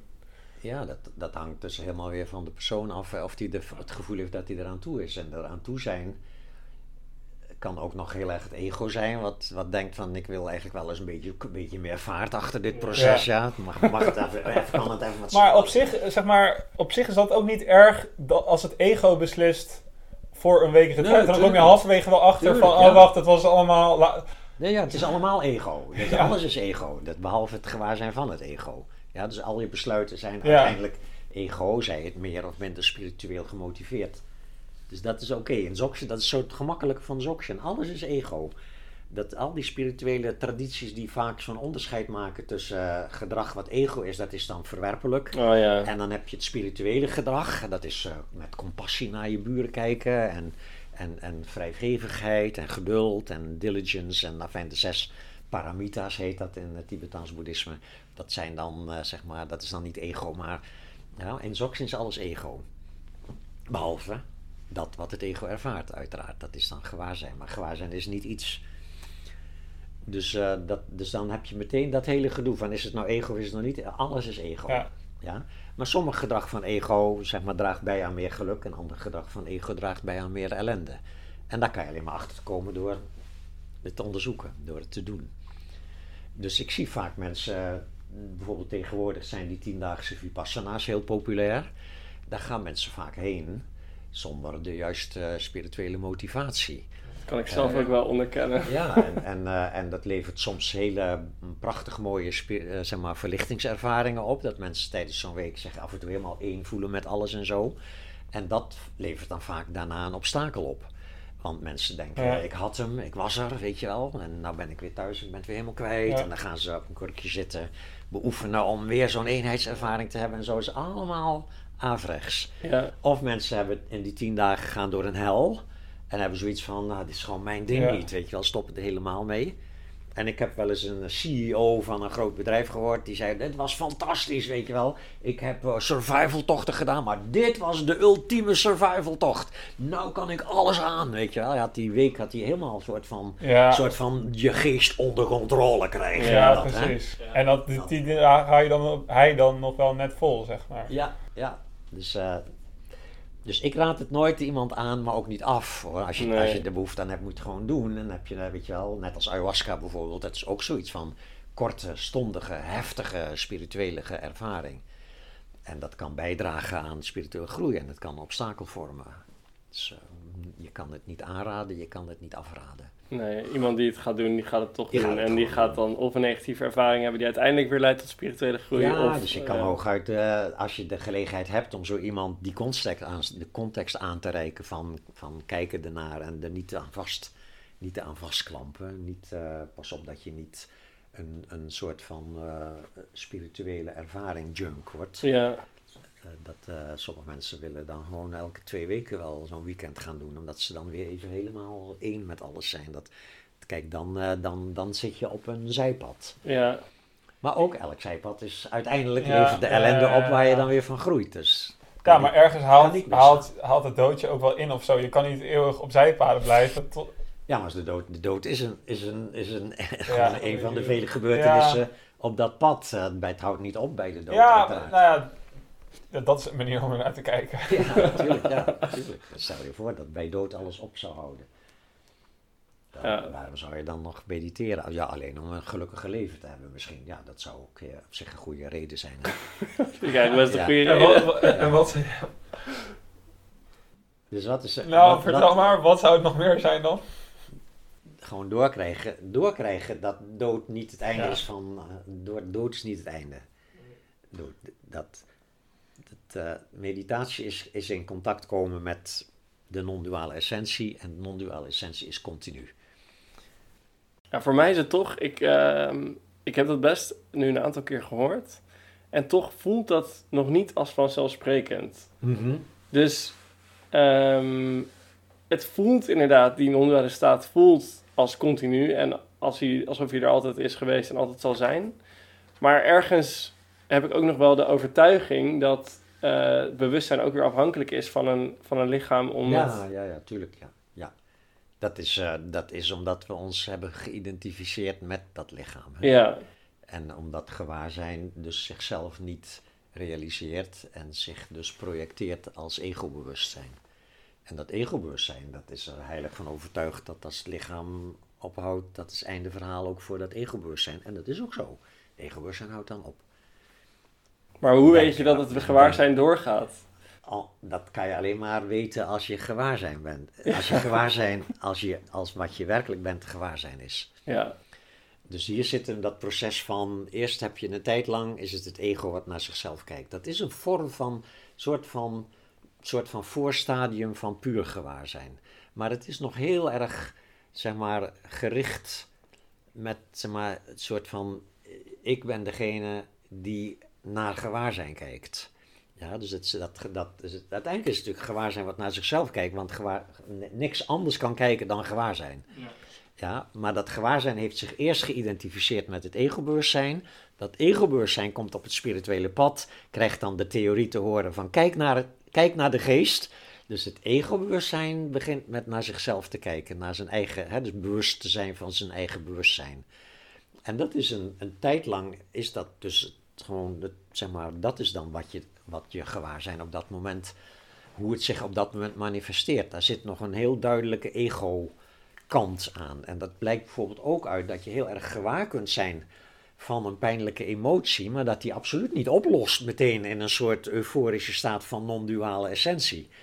Dat is heel erg. Ik ben gewaar van dat ik eenzaam me voel of baal van mijn partner of wat dan ook. Ik ben nu heel erg gewaar, maar het blijft wel pijn doen. Ja, dus dat gewaarzijn, dat is nog een soort ego-gewaarzijn. Ja. Maar niettemin, er is niks verkeerds aan. Dat moet gewoon beoefend blijven worden. En geleidelijk aan vindt dan wat ze, wat ze noemen, de, een prachtig mooie manier van, poëtische manier, de shift of the seed of Brahman. Ja, dat komt uit Hindoeïsme, maar dat is natuurlijk één pot nat allemaal. Brahman is gewaarzijn, zou je kunnen zeggen. Brahman herkent zichzelf niet, denkt dat hij het ego is. Ego gaat beoefenen, ego gaat dus naar zichzelf leren kijken. Eerst is het dus het ego wat naar gewaarzijn kijkt, alsof het iets anders is dan zichzelf. En dan geleidelijk aan af en toe momenten dat het niet het ego is wat naar gewaarzijn kijkt, maar het gewaarzijn wat naar het ego kijkt. Die shift. En dat is een soort shift die niet, dat is een shift die niet in, in woorden valt uit te drukken. Dus die gewoon alleen maar ook spontaan kan plaatsvinden. Je kan niet zitten en soort van, oké, ik wil nu die shift. Want wie wil die shift? Dat is het ego wat naar gewaarzijn kijkt. Ja. Je Dus- kan er eigenlijk alleen maar ook op, op een soort van manier is het een soort wachten ook. Dat die, Ja, dat is dat hele paradoxale van, van je, kan, je, kan, eh, je kan het niet bereiken, je kan het niet creëren. Het, het- you can't bring it about, zegt eh, Eckhart Tolle ergens. Het, het overkomt je, maar je kan wel allerlei dingen doen om alle obstakels die in de weg staan voordat het jou overkomt, die kan je wegnemen. Dus Ja. je creëert als het ware een soort openheid waarin die, zeg maar, die genade, als je het zo mag noemen, is een beetje een religieuze term, maar het is een soort genade. En dan niet iets van dat er ergens een soort opperwezen is wat denkt van, oh, hij is er wel aan toe, laten we hem een dosis geven. Nee, het is in zekere zin een natuurwet, dat als er, als er ruimte ontstaat, wordt die gevuld met dat wat fundamenteler is dan waar, wat daarvoor. Ja, dus als je deze kamer, als je alle meubels eruit gooit, dan krijg je meer ruimte. Omdat ruimte al de essentie was van überhaupt deze kamer. Ja, dus dat is wat er gebeurt als je je geest zeg maar leeg maakt. Maar maakt, pas op, is het het leeg maken is niet de goede term. Leeg laat worden. En dat is die prachtige spreuk uit Dzogchen, dat net als water, als je modderig water, als je wil dat het helder wordt, moet je er vooral niet in gaan roeren en niet aan gaan schudden. Zo ook als je wil dat de geest ruim wordt, dan moet je ophouden met je denken te bestrijden. Maar het is natuurlijk wel kijken ernaar, wel bewust, telkens weer bewust zijn van die drukke geest, maar niet bestrijden. Dat is het domein van de kalmeringsmeditatie. In Dzogchen kijk je gewoon alleen maar, kijkt alleen maar. En het grappige is dat die, de gedachten dan uit zichzelf geleidelijk aan kalmer worden. Het verschil tussen eh, tegen iemand zeggen, hou je mond, en dat hij dan even zijn mond houdt eventjes, ja, totdat je de andere kant op kijkt. Of gewoon niet meer luisteren naar die persoon. Hij, je hoort hem nog wel lullen, maar je luistert niet meer naar geleidelijk aan, houdt dat gelul in je hoofd, houdt dan af en toe op. En dat zijn dan de momenten echt dat gewaarzijn even echt gewaarzijn is. Ja. En ik ben toch nog wel, wel even benieuwd, maar dan, die, die staat kan je dus zo realiseren dat je op een gegeven moment ook realiseert dat die dus blijft nadat je doodgaat als, als ego. Of je identificeert je überhaupt niet meer op dat moment met het ego. Dus Ja, Wat er- ja, ik weet niet, dat zou kunnen, maar bij mij, ik bedoel, ik heb, ik heb dat stadium niet bereikt dat ik Nee, alleen nog maar de hele tijd, zeg maar, gewaarzijn ben. Ik Maar je ben hebt- af en toe wel, af en toe niet, af en toe wel, Ja. af en toe niet. Maar in dat af en toe wel is er, zeg maar, is de theorie al werkelijkheid geworden dat gewaarzijn niet iets is. ja, Het is niet een ding, het is niet een entiteit. Het is openheid of ruimte is, zeg maar, is, is, een, is een concept wat het meest in de buurt komt, als het ware. Dus hoe kan niet iets ophouden als het Ja. begonnen Ja, is? ik heb wel- ja. dus, dat is dus ja, ik snap op zich wel Marijn's vraag van het is... Maar, het is wel een soort het is een- ruimte. Het, is, het is wel een, er, is, er is een ruimte en er is een... eh, je, je kan niet ontkennen dat er is een soort van bewustzijn die dat, Ja. dat om... Het is ruimte wat ervaart. Ja, Ja, maar die- dus je die- kan het ervaren niet ontkennen, maar je kan tegelijkertijd niets vinden wat het ervaren doet. nee. Je kan niets vinden. Je kan niet een entiteit vinden of een lachend boeddhaatje ergens achter in je hoofd of zo. Dat je kan het gewoon niet vinden. En, het, en hier dus de theorie van Shunyata wordt dan werkelijkheid. Ja. Shunyata, hè, leegte, leegte of openheid, of, of niet-ietsheid, eh, non-entiteitheid of wat dan ook. Dat is, eh, dat is de belangrijkste ervaring, althans voor mij, dat het niet kan ophouden. Want iets wat, wat zeg maar, iets houdt altijd op. Ja. Ja, dus zodra iets een verschijnsel is, en het kan een gedachte zijn, of een boom, of een, of een Himalaya, maar zo- zodra het een verschijnsel is, verandert het. Ha- houdt het op, verandert het in iets anders. Dat, dus alles wat een verschijnsel is, houdt op. En, maar dat gebeurt tegen die achtergrondcontinuïteit van dat wat niet een verschijnsel is. Gewaarzijn is niet een verschijnsel. Niemand heeft het ooit gezien met zijn ogen, gehoord met zijn oren. Of zelfs maar gezien met zijn innerlijke oog wat gedachtes kan zien. Dat wat gedachtes kan zien is gewaarzijn. Maar de gedachte zelf heeft ook een begin en een einde. Elke gedachte heeft een begin en een einde. Ja, en, en is daardoor dus tijdelijk. Elke emotie heeft een begin en een einde. Elk ego heeft een begin en een einde. Ja, alles heeft een begin en een einde. Behalve dat waarin dat zich allemaal afspeelt. Of Ja. wat, wat dat ervaart op het meest fundamentele vlak. ja, precies. Dus Ja. dan is het tegelijkertijd dat Jan Geurts gaat echt dood. Ja, geen flauwekul van incarnatie van een stukje Jan gaat door in een volgend leven of zo. Ja. Dat is ego's interpretatie van incarnatie. Ja. En dat is een beetje een doekje voor bloeden, hè? de angst om er niet meer te zijn. Ego is gewoon bang om er niet meer te zijn. En dat is een gerechtvaardigde angst, want in werkelijkheid is ego het ook Ja. helemaal niet. Het is helemaal niks, het is een mentale constructie. Dus die angst hoort bij het ego. En het ego houdt dus inderdaad op, op te bestaan als, het- als het lichaam doodgaat, gaat het bijbehorende zeg maar, hersendeel met alle Alle denkbeelden. herinneringen en alles wat jij denkt, wat jou maakt in je naam, ja, et ja, cetera. ja, alles wat je denkt dat je bent gaat Ja. dood. Dus het enige wat niet doodgaat is dus dat wat niet denkt. En, en, dat, en dat manifesteert zich ook altijd weer. Dat zal altijd weer zich manifesteren. Want an- dat is de enige manier om het, om het, om het zichzelf te leren kennen. Dus, eh, dus Ja. het, het gewaarzijn wil zichzelf leren kennen en manifesteert zich dus telkens in vormen die dan vervolgens verlichting kunnen bereiken Ja. en zichzelf realiseren. Dus ergens is, eh, ik, je hebt, eh, ik geloof een keer een interview in de Volkskrant ook gezegd dat je dus die, dat die evolutie, dat die steeds naar geavanceerdere levensvormen gaat.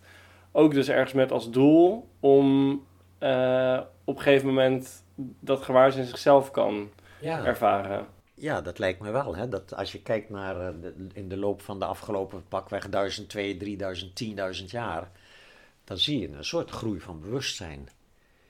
Met natuurlijk fluctuaties ook. Soms kan het weer even helemaal dichtslaan, zoals tijdens zo'n Tweede Wereldoorlog, dat bewustzijn helemaal weer in de soort van overlevingsmodus Ja. komt. En dan meteen daarna zie je weer een opleving van ruimte, hè? zoals na de Tweede Wereldoorlog de rechten van de mens ineens Ja, ontstonden in het soort van in het collectieve bewustzijn. Niet dat iedereen zich er al aan houdt, overigens, maar ze zijn er al. Ja. Ja, dat soort dingen. Dus er zal telkens een crisis nodig zijn. Je ziet het zelfs een beetje met de, de COVID-crisis, de, Ja. de coronacrisis. Dat dat een beetje bijdraagt aan de groei van bewustzijn over gezonde voeding en, en, en klimaat en dat soort dingen. En hoe gaan we om met de wereld en met de dieren en dat soort dingen. Daar, een klein beetje, want de crisis is ook niet zo heel erg natuurlijk. Dus je hebt ook een klein beetje Ja. groei van bewustzijn. als er een grotere crisis was geweest, was het voor de groei van bewustzijn beter ja, geweest. Ja, zekere zin wel, ja. Ja. Ehm, Nou, dat brengt ons wel mooi bij de, het, kopje me- meer ja, daar wouden we het ook namelijk over hebben. Ehm, ja, meditatie heeft naar mijn idee nu nog een best wel. Eh, als ik het vergelijk met. Kijk, in mijn leven heeft het een hele belangrijke plek. Maar in het soort van collectieve maatschappelijke leven is het nog best wel iets wat een beetje zo in de randen van de. Ja, maatschappij een zich kleine, afspeelt. kleine niche ergens, een elitair niche. het, Precies. Ehm, gaat dat denk je eh, veranderen? En stel dat jij eh, een positie had gehad waar, waarin je daar iets zeg maar, op landelijk niveau over te zeggen zou hebben of, of op wereldniveau, zou je dan dingen veranderen aan, aan, aan de plek die het heeft eh, in onze maatschappij? Hmm, ik ben geneigd om dingen maar op zijn beloop te laten. Maar Ja. stel dat ik in het onderwijs zou werken, dan zou ik misschien wel meehelpen aan een leerplan waarbij de simpele vorm van meditatie, de ego-meditatie, deel van het onderwijs zou gaan vormen. Ja, Dat kinderen een beetje leren dat eh, drukte zich in denken afspeelt en dat je dat zeg maar, een beetje minder serieus kan nemen en dat soort dingen. Dat zou wel leuk zijn. Je Ja. moet kinderen niet te vroeg met gewaarzijn meditatie lastigvallen, maar gewoon zeg maar dat, dat de kalmeringsmeditatie, kijken naar je eigen gedachten en zo, ja, dat, is- dat zou bij kunnen dragen aan. ja, Maar tegelijkertijd, als je ziet dat, zeg maar, hoe de staat van ons onderwijs gemiddeld is, Ja, dan zie je dat het een afspiegeling is van hoe de staat van zeg maar, de volwassenen op dit moment is. En, en daar, moet, daar kan je niet te veel aan veranderen. nee, precies. Want het zijn de ouders die je tenslotte, ik bedoel, je ziet hier en daar van die onderwijsinitiatieven, hè, Ik, kleine eh, hoekjes ja. ook, hè. Zoals de, de, de, de, hoe heet dat nou toch, die school, enfin, allerlei schooltypes die Ja, minder prestatiegericht en meer vanuit het kind laten komen en zo. Prachtig mooie initiatieven. Die kinderen blijken het allemaal later ook prima te doen in hun leven. Ja, dus helemaal niet van als ze eenmaal volwassen zijn, dan, dan kunnen ze niet rekenen of iets dergelijks. Eh, dat, dus, eh, maar niettemin, de meeste mensen durven dat toch niet aan. Dat is die angst, die ouderlijke angst, ja, dat als ze te ver van de mainstream afkomen met hun kinderen, dat dat eh, schadelijk is voor die kinderen. ja, precies. Dus daarom dat dingen langzaam gaan. Ja, Maar ja, aan de andere kant, er is geen haast. nee, precies. Toch? Ja, ja, Ja. dat- Nou, maar hoezo? Ja, is er geen haast? Ik, zeg maar... eh, je, ik zou wel in die zin... Maar zo min mogelijk meer lijden dan dat er nu al is en gaat Ja. komen, zeg maar. ja, ik, tuurlijk. ik kies liever een wereld die mooier is dan minder mooi. Ja, ja, ja, tuurlijk. Dus dat is je individuele bijdrage. Dus dat is precies waar je aan kan bijdragen, moet je aan bijdragen. Maar waar je niet aan kunt bijdragen, kan je beter maar niet onder lijden ook. Ik heb zo'n periode gehad, eh, voor mijn spirituele tijd, dat ik echt enorm in de knal zat over de honger in de wereld. Ja, En eh, ik, ik kan me herinneren dat ik een keer met mijn toenmalige echtgenoot ergens zat te eten, weet je, in een restaurant. En dan ineens, weet je, een soort van walging zelfs van, gaat, van, weet je, als ik kijk mij nou zitten, Ja. terwijl eh, de helft van de wereld honger heeft. Weet je wel, dat, ja. dat, eh, dat, en daar had, de hele wereld had daar helemaal niks aan, Nee. aan mijn walging en zelfafwijzing. ja maar over- in, in zekere zin het bewustzijn daarover. En, en dat kan wel een deel zijn van jouw motivatie om daar mee aan de slag te gaan. Ja, maar en als het dan- uiteindelijk vanuit liefde komt, eh, vanuit... eh, Dan moet dat bewustzijn vrij zijn van afwijzing. Vrij zijn van zelfafwijzing. Want zodra je je jezelf afwijst of je wijst de machthebbers af die dit, deze wereld creëren, eh, blokkeer je tegelijkertijd je contact met die wereld. Dus ik geloof veel meer in wel bewustzijn uiteraard van wat er allemaal aan narigheid in de wereld gecreëerd wordt door mensen. En waar je kan bijdragen, uiteraard doe je dat gewoon, maar zonder al te veel, zonder al te veel poespas. Maar vooral waar je niet kunt bijdragen, kan je een soort van relaxen. Je hoeft, je daar, niet, je hoeft daar niet onder te lijden. En, en hoe maak je dat onderscheid? Tussen waar, hoe weet ik waar ik wel of niet aan kan bijdragen? Ik bedoel, ik ben nu nog, eh, wat is het, 26 jaar?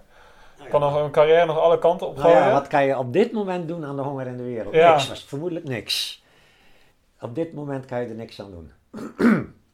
Nee, maar je, je kan natuurlijk wel, eh, ja, Maar je kijkt naar het journaal en je ziet daar weer iets gebeuren en, en het is ver weg. Dan kan je eigenlijk al, bijna alleen nog maar een Giro uitschrijven. ja, Als je het geld hebt tenminste. Maar goed, Ja. dan doe je dat. En, en, en iemand anders zal zeggen van ik ga toch eens een keer dat doen. eh, Vrijwilligerswerk in zo'n eh, vluchtelingenopvangkamp. En dat is natuurlijk leuk voor de vluchtelingen misschien een klein beetje. Maar het is vooral leuk voor je eigen ontwikkeling. Ja, want dan doe je Ja, iets. ja. Ja. Dus dat gevoel Ja. dat je iets doet is ook natuurlijk altijd het ego. Wat graag het gevoel wil hebben dat het iets doet. Ja, en dat mag ook. ja, Snap je? Dus er is, er kan, het kan niet verkeerd gaan.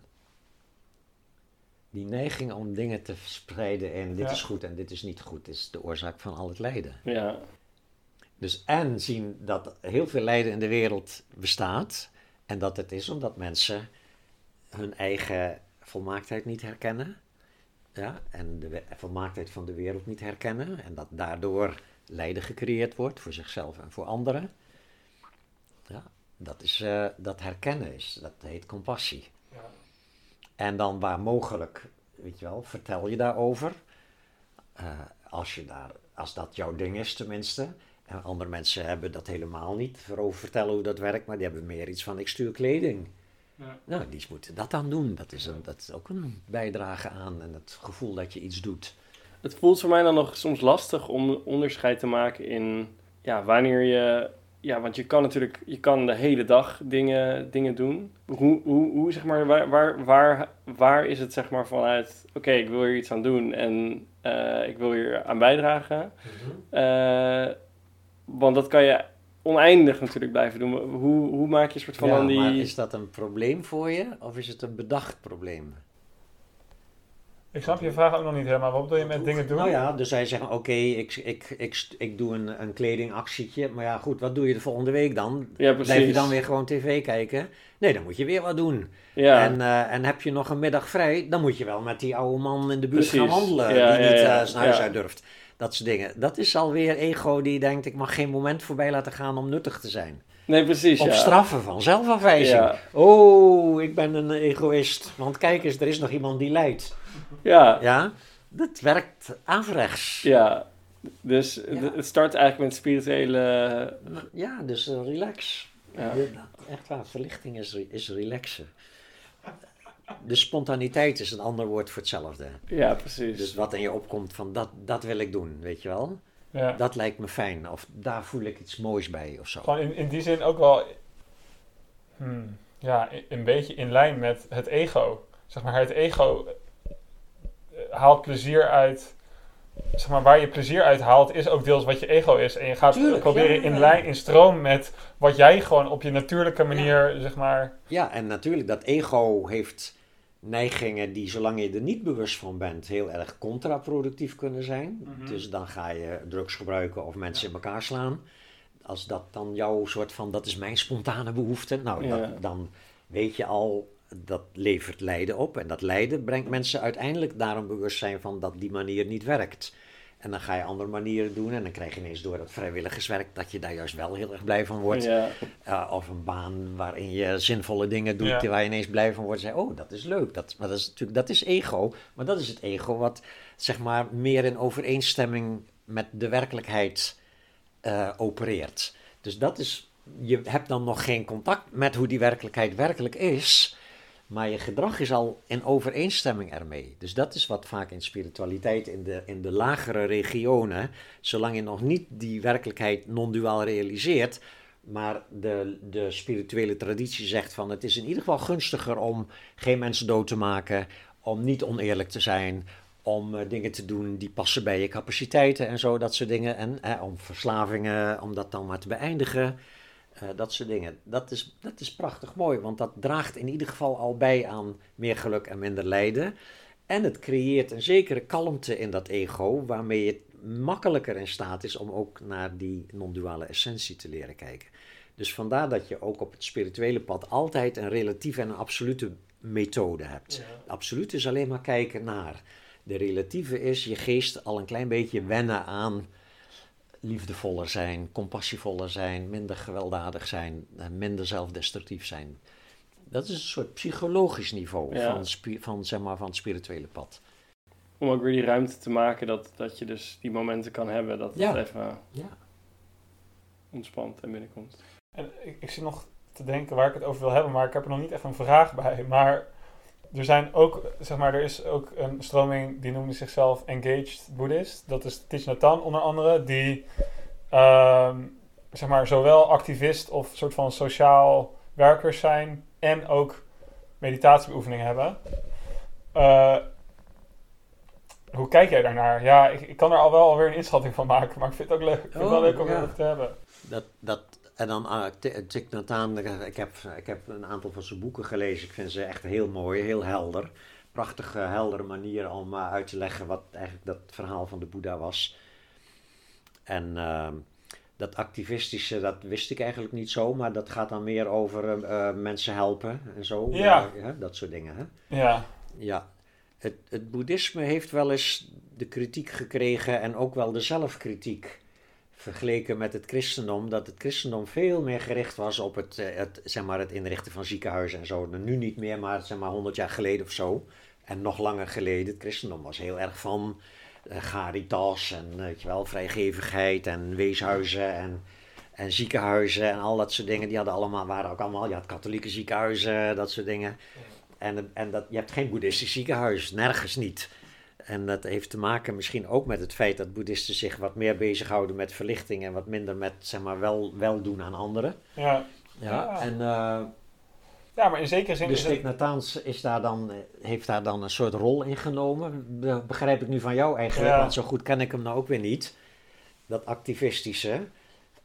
Eh, misschien ook omdat hij in Vietnam eh, een zekere zeg maar, partij koos of zoiets. Ja, precies. Precies. daar is het wel moest, eh, ontstaan, land inderdaad. moest ontvluchten. Ja, Ja, nee, ik weet niet. eh, ik denk dat, eh, dat dat allemaal naar het karakter van de individuen zijn.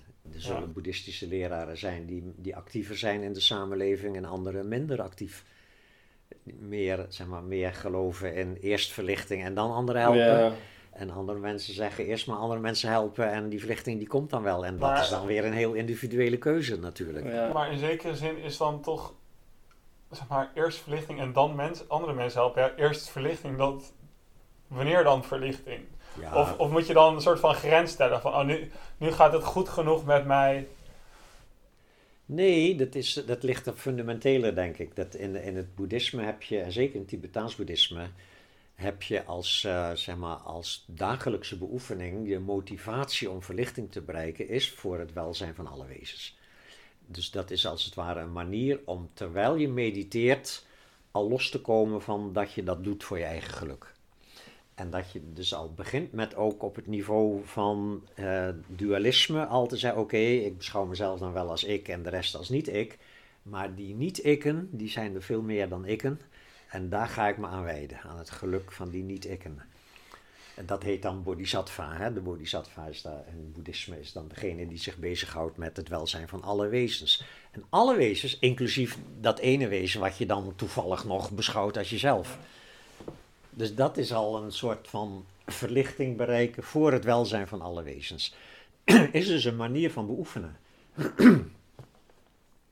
En, Dus je ja. kan niet zeggen van waar is ergens het punt bereikt dat je, Ja, dat je verlichting bereikt hebt, want dat weet je dus überhaupt niet. Dus het gaat meestal gelijk op, denk ik. Je bent bezig aan het beoefenen voor het welzijn van alle wezens. Ook al zit je je hele leven op een bergtop te mediteren, dan ben je Ja. op dat moment aan het beoefenen voor het welzijn van alle wezens. En hoe, hoe moet ik dat voor me zien? Dat je inderdaad, de- dus de typische, zeg maar, dat is nog mijn, je zou het kunnen noemen, ego-kritiek, maar een soort van mijn angst nog voor, voor het idee dat door mijn hoofd schiet van, oh, het zou toch wel gaaf zijn om ook zo'n monnik te worden, maar dan denk ik ook tegelijkertijd van, ja, maar wacht even, er is nog een hele wereld die, Ja, ja, waar ja. ik ook nog me tot, tot, ja, tot behoefte aan heb, maar ook nog tot getro- toegetrokken voel van, er, er- Ja, ik, ja. kijk, op, je hebt op alle niveaus heb je, heb je altijd de spirituele en de valkuil. ja, Dat dus ook monnik worden in een klooster kan een enorme valkuil zijn. Kan eh, enorm verantwoordelijkheid ontlopen zijn. ja, eh, ja. van alle problemen. Eh, lekker in een klooster heb je je in de druk te maken over hoe je je dag moet besteden. Je hebt geen geldzorgen en dat soort dingen. En, eh, maar ik zou, en ik zou gek worden. Ja, dus het zou voor mij helemaal niks zijn. Ja. Het zou totaal niet bij me passen. Ja, dus, eh, dus dat probleem is vanzelf al opgelost. Dus dat, hoe kan iemand... Dus laten we even aannemen dat iemand werkelijk, zeg maar, beoefent op een authentieke en zinvolle manier. En dus niet alleen maar wegloopt op die bergtop van, zeg maar, Ja, verantwoordelijkheden. Maar dat hij werkelijk, zeg maar, echt de authentieke spirituele beoefening doet. En dus inderdaad uh, op een pijlsnel, zeg maar, soort van pad naar verlichting zit. Hoe draagt die man of vrouw op dat moment bij aan het welzijn in de wereld? Dat is mijn vraag. Dat is eh, inderdaad, dat is dus een vraag die je alleen maar kan een beetje soort van vaag soort van besef van, ja maar wacht even, de geest van die man en onze geesten zijn niet zo gescheiden als wij denken dat ze zijn. Oké, Dus hoe zou het zijn bijvoorbeeld dat het feit dat wij in onze beoefening af en toe ineens contact hebben met een soort van puurdere staat van zijn, zou dat misschien ook mede geantameerd worden door die man die, of vrouw die op die bergtop heel erg zeg maar, ons levensvoor is in het beoefenen en een, en een helderheid heeft gecreëerd Ja. die zoveel uitstraling heeft dat mensen die gevoelig zijn ervoor hem en dan binnenlangs, niet buitenom, Buitenom kan ook, maar dan moet je die persoon zien of Ja, horen. Ja. Dat is vaak hoe een leraar inspireert door woorden, door zijn gezichtsuitdrukkingen. Maar hier ook dat een soort binnenuit, omdat er ergens natuurlijk een niveau is waarop dat onderscheid er helemaal niet is. Ik bedoel, jouw, jouw meest fundamentele ik-gevoel en dat van mij is hetzelfde ik-gevoel. Is hetzelfde bewustzijn. Daar is geen enkel verschil in. Het lijkt alsof jouw ik-gevoel afgescheiden is van mijn Ja, ik-gevoel. Maar dat is omdat we weer zo aan dat lichaam vastzitten. Ja, en is, het, is, het nou een, is dit nou weer een verhaal wat jij aan jezelf vertelt? Of is dit wat je vanuit ervaring... Nou, hoe zou, of, of, of- Hoe zou jou niet iets en mij niet iets van elkaar kunnen verschillen? ja, ik- dat Ja. weet ik niet. Nee, ja. Dus niet weten is hier, is hier eh, hoger weten. In not seeing is seeing the truth. Ja, dat is wat Byron Katie de don't know mind, no need to know, impossible to know mind noemt. Ja? Dat, dat niet weten. Maar voor het ego is dat een soort, ja, fuck. Fuck you. Die- die sowieso, inderdaad. op, weet je wel. Die sowieso, maar... eh, Ja, dus dit is, dit is dus het verhaal wat ik bedenk om te verklaren waarom iemand die heel zijn leven in een klooster zit te beoefenen, Ja. misschien wel net zoveel bijdraagt aan het welzijn in de wereld als iemand die elke dag dozen met kleding naar Ja. eh, arme mensen stuurt. Niet de ene beter dan het ander. De dozen met kleding passen beter bij die mens. Het op een bergtop zitten mediteren past beter bij die mens. En stel dat ze allebei vanuit een authentiek gevoel. Niet vanuit eh, op een bergtop zitten omdat je eh, je eindelijk van je ex verlost wil zijn. Ja, of kleding sturen omdat je zo'n lekker gevoel hebt. Ja. Met dat clubje mensen waarmee je dat hebt opgezet. Zo'n heerlijk wij zijn beter dan de rest van de wereld. Ja, dat is een, dan ben je niet aan het beoefenen. Nee. Maar als je allebei werkelijk aan het beoefenen bent, hoe kan je nou zeggen het een is beter dan het ander? Ja, zelfs als je niet werkelijk aan het beoefenen bent, dan is dat blijkbaar ook weer wat je dus nodig Tuurlijk. hebt om weer... Dan leidt dat tot, een, Ja. tot toename van ellende in je eigen geest, die weer leidt tot bewustzijn. ja. Oké. Hey, we gaan eh, best wel hard met de tijd. En ik heb nog twee vragen die ik heel graag ehm, wil stellen. Ehm, ik, heb jij nog dingen die... eh, nou, ga, ga jij maar gewoon lekker Alright. jouw vragen doen, dan eh, pak ik die tijd even om... eh, om je even van te herstellen? Te herstellen, ja. ja. Ehm, hey, eh, laatste, eh, eh, nou, in je laatste boek geef je ook een beetje een beeld van hoe die, hoe die, die spirituele loop is geweest in jouw eigen leven. En het lijkt voor mij als buitenstaander heel erg alsof er een bepaald verband zit tussen jouw spirituele groei en ook het soort van, ja, ik noem het even het wereldse succes met de boeken, de, de, de cursussen Mhm. en, de, en de retraites. Ervaar je dat zelf ook zo? Dat dus die, die opening die, eh, en, het, en het mediteren en het, de spirituele ontwikkeling van binnen, dat die een verband heeft ook weer met ehm, nou ja, de, de groei van Hmm. jouw populariteit en eh, ja, het leven eigenlijk meer aan de, vanuit de, bui- Nou van de buitenkant. van beide geldt dat ze me overkomen. Ja, precies. Hè? Dus niet een, een doelgerichte inspanning die leidt tot spirituele groei of tot Nee, dat, dat, dat, dat, dat is ook niet... eh, dus ik heb, heel- ik heb niet die illusie van ik heb mezelf zo goed in de wereld gezet en kijk nou, nou eens succesvol zijn of zo. Het is allemaal mazzel. Ja, Of karma, hoe je het ook wilt noemen. ja, Ja, dus beide, beide zijn mij overkomen. En als er al verband is. Kijk, je kan niet zeggen iemand die spiritueel ontwikkeld is, zodra hij een boek schrijft, wordt dat een succesvol boek. Dat kan je niet zeggen, want boeken worden soms helemaal niet succesvol terwijl het hele goede boeken zijn.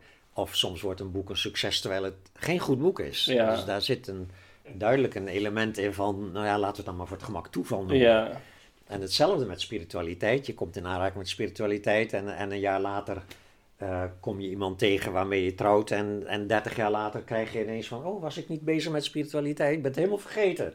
ja. Ja, dat, dat is, dus dingen gebeuren zoals ze gebeuren. Op een bepaald niveau. Aan de andere kant kan ik natuurlijk wel zeggen van, nou ja, omdat mijn spirituele beoefening in ieder geval niet alleen maar nominaal is, maar omdat ik werkelijk er iets bij ervaar en daar ook heel graag en enthousiast over vertel, dat kan enigszins bijdragen aan het succes van mensen die dan een boek lezen of een filmpje zien of een cursus volgen.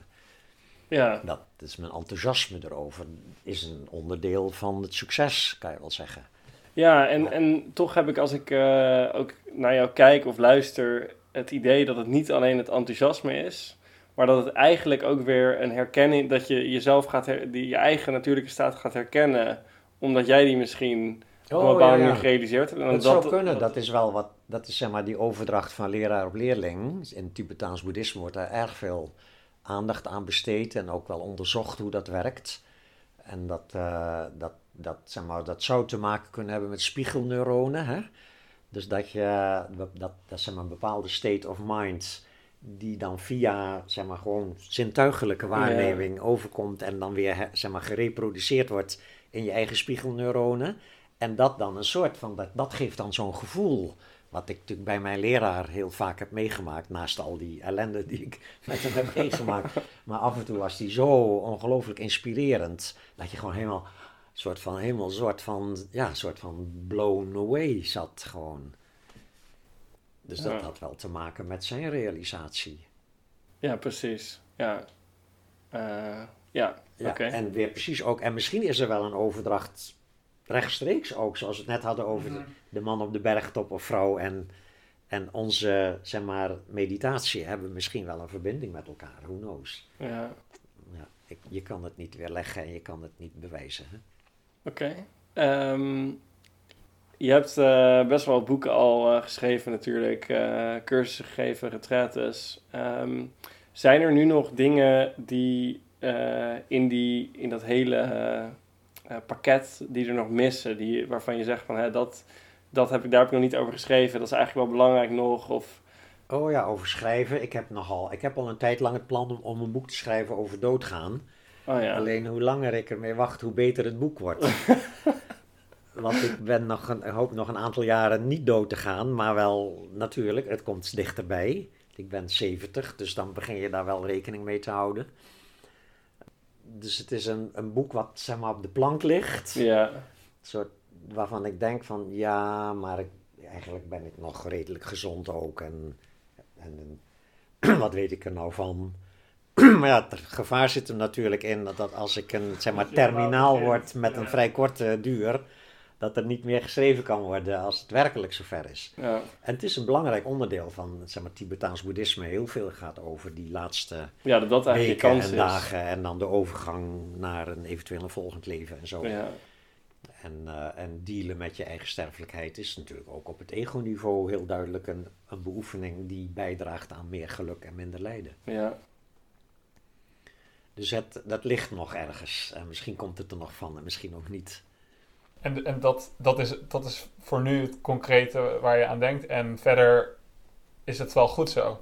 Of, of het was ook meer van, nou, in je scala... Zeg in maar, mister, in er zijn er nog Oh, dingen ja, die inderdaad... Als ik nog denk aan het, zeg maar, ik heb eh, in het overdragen van deze kennis en methoden, ik geef cursussen, af en toe retraites. Ik hoop dat er eh, na corona dat dat weer kan, want eh, ik vond het heerlijk om met een groep van 50 mensen een tijd lang in één gebouw te zitten, en mooie natuur en dan, weet je wel, veel stilte en dan veel uitwisseling. Maar vooral ook veel oefeningen die heel erg op knoppen drukken. Ja, Dat is wel een beetje dat ik, wat ik ook in mijn zeg maar, psychologische periode geleerd heb. En bij trainingen waar heel erg op knoppen gedrukt wordt. Dat kan ook enorm nuttig zijn voor spiritualiteit. Dus ik doe dat een klein beetje al in die retraites waar, die ik dan gaf in, eh, in Winterberg in Duitsland. Daar had ik dan één avond waarin ik echt een aantal oefeningen deed. Nou, die mensen echt helemaal in hun Ja, dat weet ik nog wel, ja. in hun zelfafwijzing terechtkwamen en zo. Dat vind, ik zo. dat vind ik zo mooi om te doen. De mensen komen dan ineens zoveel dieper met zichzelf in aanraking. En, en eh, soms denk ik, dat zou ik nog wel wat meer willen doen. oh ja. Dus, Ja, nu, eh, nu nog mensen overtuigen om naar die, naar die cursussen te komen. Want die, die retraites die verpak je als... eh, dit wordt leuk. En dan stiekem stoor je er een half uurtje of een avondje zelf ja, afwijzing ja, maar de meeste mensen zijn dan de dag daarna, nadat we die Ah, avond ja. hebben Ja. gehad, waarin ze vreselijk zeg maar, zichzelf zijn tegengekomen. En de dag daarna zijn ze heel blij. Ja, ja, ja. ja. Dus De dat avond betreft- daarna al zijn ze heel blij al. ja. Ja. Dus dat is, eh, dat is eh, natuurlijk spirituele pad gaat over obstakels, waar we het al over hadden. Ja. Dus in een retraite of in een training eh, druk je op mensen hun knoppen. Mijn leraar deed dat gewoon door zijn gedrag. Hij had gewoon totaal onaangepast gedrag. Dat kan ik niet. Ik ben te veel nice guy. Maar ik kan wel eh, zeg maar, hele echt zeg maar, slimme werkvormen bedenken. Ja, die precies, heel ja. erg slim op mensen op knoppen drukken. En, eh, en dat, eh, dat zou ik nog wel wat meer willen doen. Dat is echt het leukste deel van, van omgaan met cursisten. Is dat deel waarbij ze helemaal, helemaal in het effect schieten. Je merkt daar zo erg dat je, dat je dan... Je herkent wel heel snel daardoor ook wat je ego dus doet. En, Ja. en in één keer van... Ja, ja. je kan dan heel veel illusies hebben over hoe, hoe verlicht je bent... totdat die, die Tot oefening dat, eh, komt. dat en dan, komt. Heb je hem gedaan dan? Zat je daar ooit bij? Ja, dan? ik was in 2018 was, Oh, ik, ja, eh, was ik in Winterberg erbij. Ja, Ja. met die, eh, die tunnel. Soort De van tunnel, ja, de ego-tunnel. ja, ja, ja. Maar niet verklappen. Nee, ik zal het niet verklappen. maar het was ook, je bouwde hem ook heel erg op. Want je, je zei volgens mij al aan het, eh, aan het begin van de week, zei je al van ja, die donderdagavond, dat eh, bereid je maar voor. Ja, Dat gaat je ego niet leuk vinden. ja, ja. Maar dat is alles. Dus verder ben ik wel, ik wel helemaal tevreden over Ja. hoe het gaat zo. Mooi. Ja. Ja. Zal ik ook nog afsluiten met een vraag? We hebben hem al wel een beetje aangestipt over, zeg maar, wat zou je veranderen in de wereld als, zeg maar, om, om meditatie op, in de maatschappij een boost te geven. Maar meer ook nog van, we zien nu dat er, eh, dat er steeds meer mensen met spiritualiteit bezig zijn, dat meditatie in ieder geval in het Westen steeds grotere eh, rol aan het innemen is. Dus het is nu nog een niche, maar het was nog veel meer een niche. Ja, en, ja, ja, ja, ja. Nee, eh, maar, welke, zeg maar, als je dat projecteert naar de toekomst, wat zou, zeg maar, welke voorstellingen zou je hierbij kunnen hebben? Zou het kunnen dat dit iets heel erg mainstreams gaat worden? Ehm, en hoe gaan we daar komen? Ja, het zou kunnen natuurlijk. Dat is een beetje koffiedik kijken. Ja, En hoe gaan we daar komen? Door maar te doen wat we nu al doen. Jullie Ja. maken je podcast en ik geef mijn cursus. eh Ja, precies. een boek. En, eh, en dat is hoe het gaat. En er is, Ja. geen, er is geen haast. Dat is het belangrijkste. Er is geen haast. Dat alles gaat gewoon precies goed. Dus hoe het dan uiteindelijk eruit gaat zien, dat weet je natuurlijk Ja, niet. Dan, eh, kijk, eh, het zou ook nog zo kunnen zijn dat even weer een verhaal dus. Hè? Ik zeg niet dat het zo is, maar een verhaal van we hebben hier een soort van een heleboel mensen. Die zijn allemaal op een bepaalde manier bezig met groei van bewustzijn. Maar het zou best zo kunnen zijn dat als, als die groei van bewustzijn doorzet en er wordt ergens een niveau bereikt waarop mensen niet meer hoeven te incarneren als mens. Maar stel dat er nog andere dimensies zijn waarin die groei van bewustzijn doorgaat. Dan zou je zeggen, maar dan komt er misschien van een andere kant komt er ook weer een nieuwe voorraad binnen. Die Ja. weer opnieuw als het ware een, een, een, een planeet aarde bevolkt met weer nieuwe wezens die weer nieuwe ja, ja. zeg maar, stappen moeten ondernemen. En dan zie je dus meer dat waar wij in zitten is een soort, eh, is een soort opleiding waar je aan de ene kant uitgaat, maar waar aan de andere kant nieuwe Ja. deelnemers binnenkomen. Dus waarom zou het dan überhaupt moeten veranderen in de toekomst? Dan is het gewoon altijd goed zoals het is. ja. Komen we toch weer op uit. Dat is een leuk beeld. Het is gewoon Ja, een het wel leuk beeld. Van, ja. maar je kan ook zeggen, nee, wacht even. Als je kijkt naar terug, weet je wel. Als je kijkt naar duizend jaar geleden en, en, en even honderd jaar geleden. Dan zie je duidelijk een soort groei van gemeenschappen in ieder geval. Hè? Ik bedoel, in de tijd dat we oorlog konden voeren met de Belgen bijvoorbeeld, dat is toch echt voorbij. Of dat de Vriezen en de Hollanders oorlog met, dat kan niet meer. Ja, zelfs Nederlands-Duits haast niet meer voor te stellen. Dat, maar goed, de blokken zijn groter geworden dus. Maar nog wel Rusland, China, China, weet je wel. ja. Nog steeds, ons, weet je wel, dat is nog steeds. Dus, dus daar zou je kunnen zeggen, oké, laat dat, als dat zich verder ontwikkelt, dan krijg je misschien toch op de duur een soort van, overal, soort van politiek systeem, wat mensen iets meer vrijheid geeft, en wat ook wat meer homogener is. Die verschillende blokken die dan geleidelijk aan naar elkaar, toe groeien misschien. En het Westen iets minder individualistisch wordt en, en China iets minder eh, zeg maar, eh, dictatoriaal en geleidelijk aan en zo. Via welvaart is natuurlijk een enorme gladstrijker. Ja, want zodra je, zodra je bezit hebt, ga je geen oorlog meer voeren.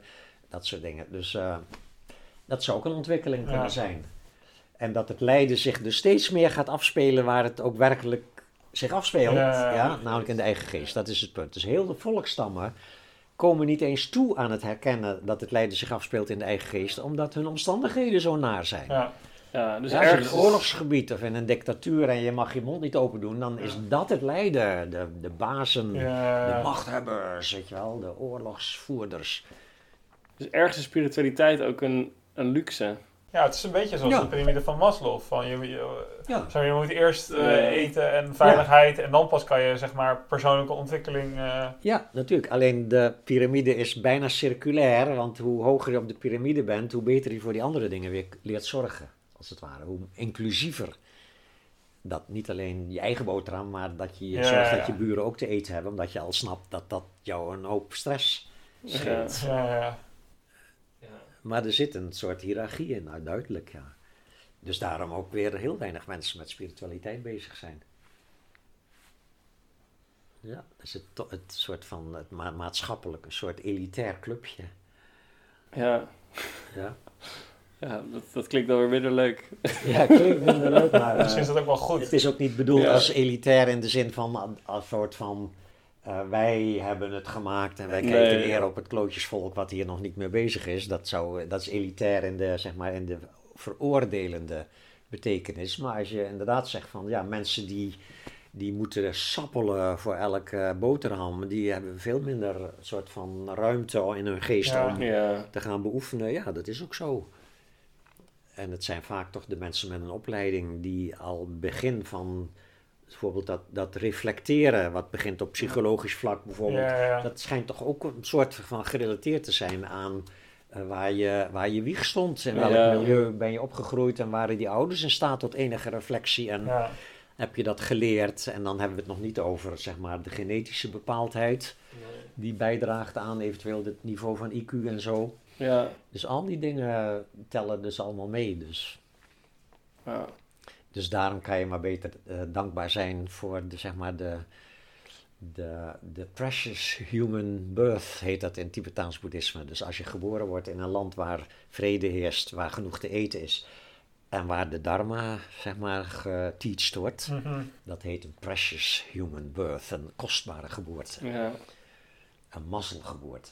Nou, zo, ja, we gaan afronden, hoor, maar zo voelt het ook wel. eh, ook vooral, ik, ik hoor dan, ik, ik krijg dan vaak terug, eh, bijvoorbeeld ook bij die retret bij jou, dat eh, mensen dan ook zeggen van, oh wat fijn dat je er al zo jong mee bezig bent ook. Ja. Maar het voelt ook wel een beetje van, oh ja, ik moet nu ook wel... eh, Dat is wel iets van de laatste 10, 20 jaar hoog uit hoor. Want toen ik begon zaten er eigenlijk alleen maar mensen boven de 50 in mijn cursus. ja, En dat is zo echt, eh, echt in, met, de, met de opkomst van de media, hè, social media, YouTube vooral, ja, is, dat, eh, is dat geleidelijk aan, is dat, Oh, ja. zeg maar, is dat ingedaald. En telkens jongere mensen.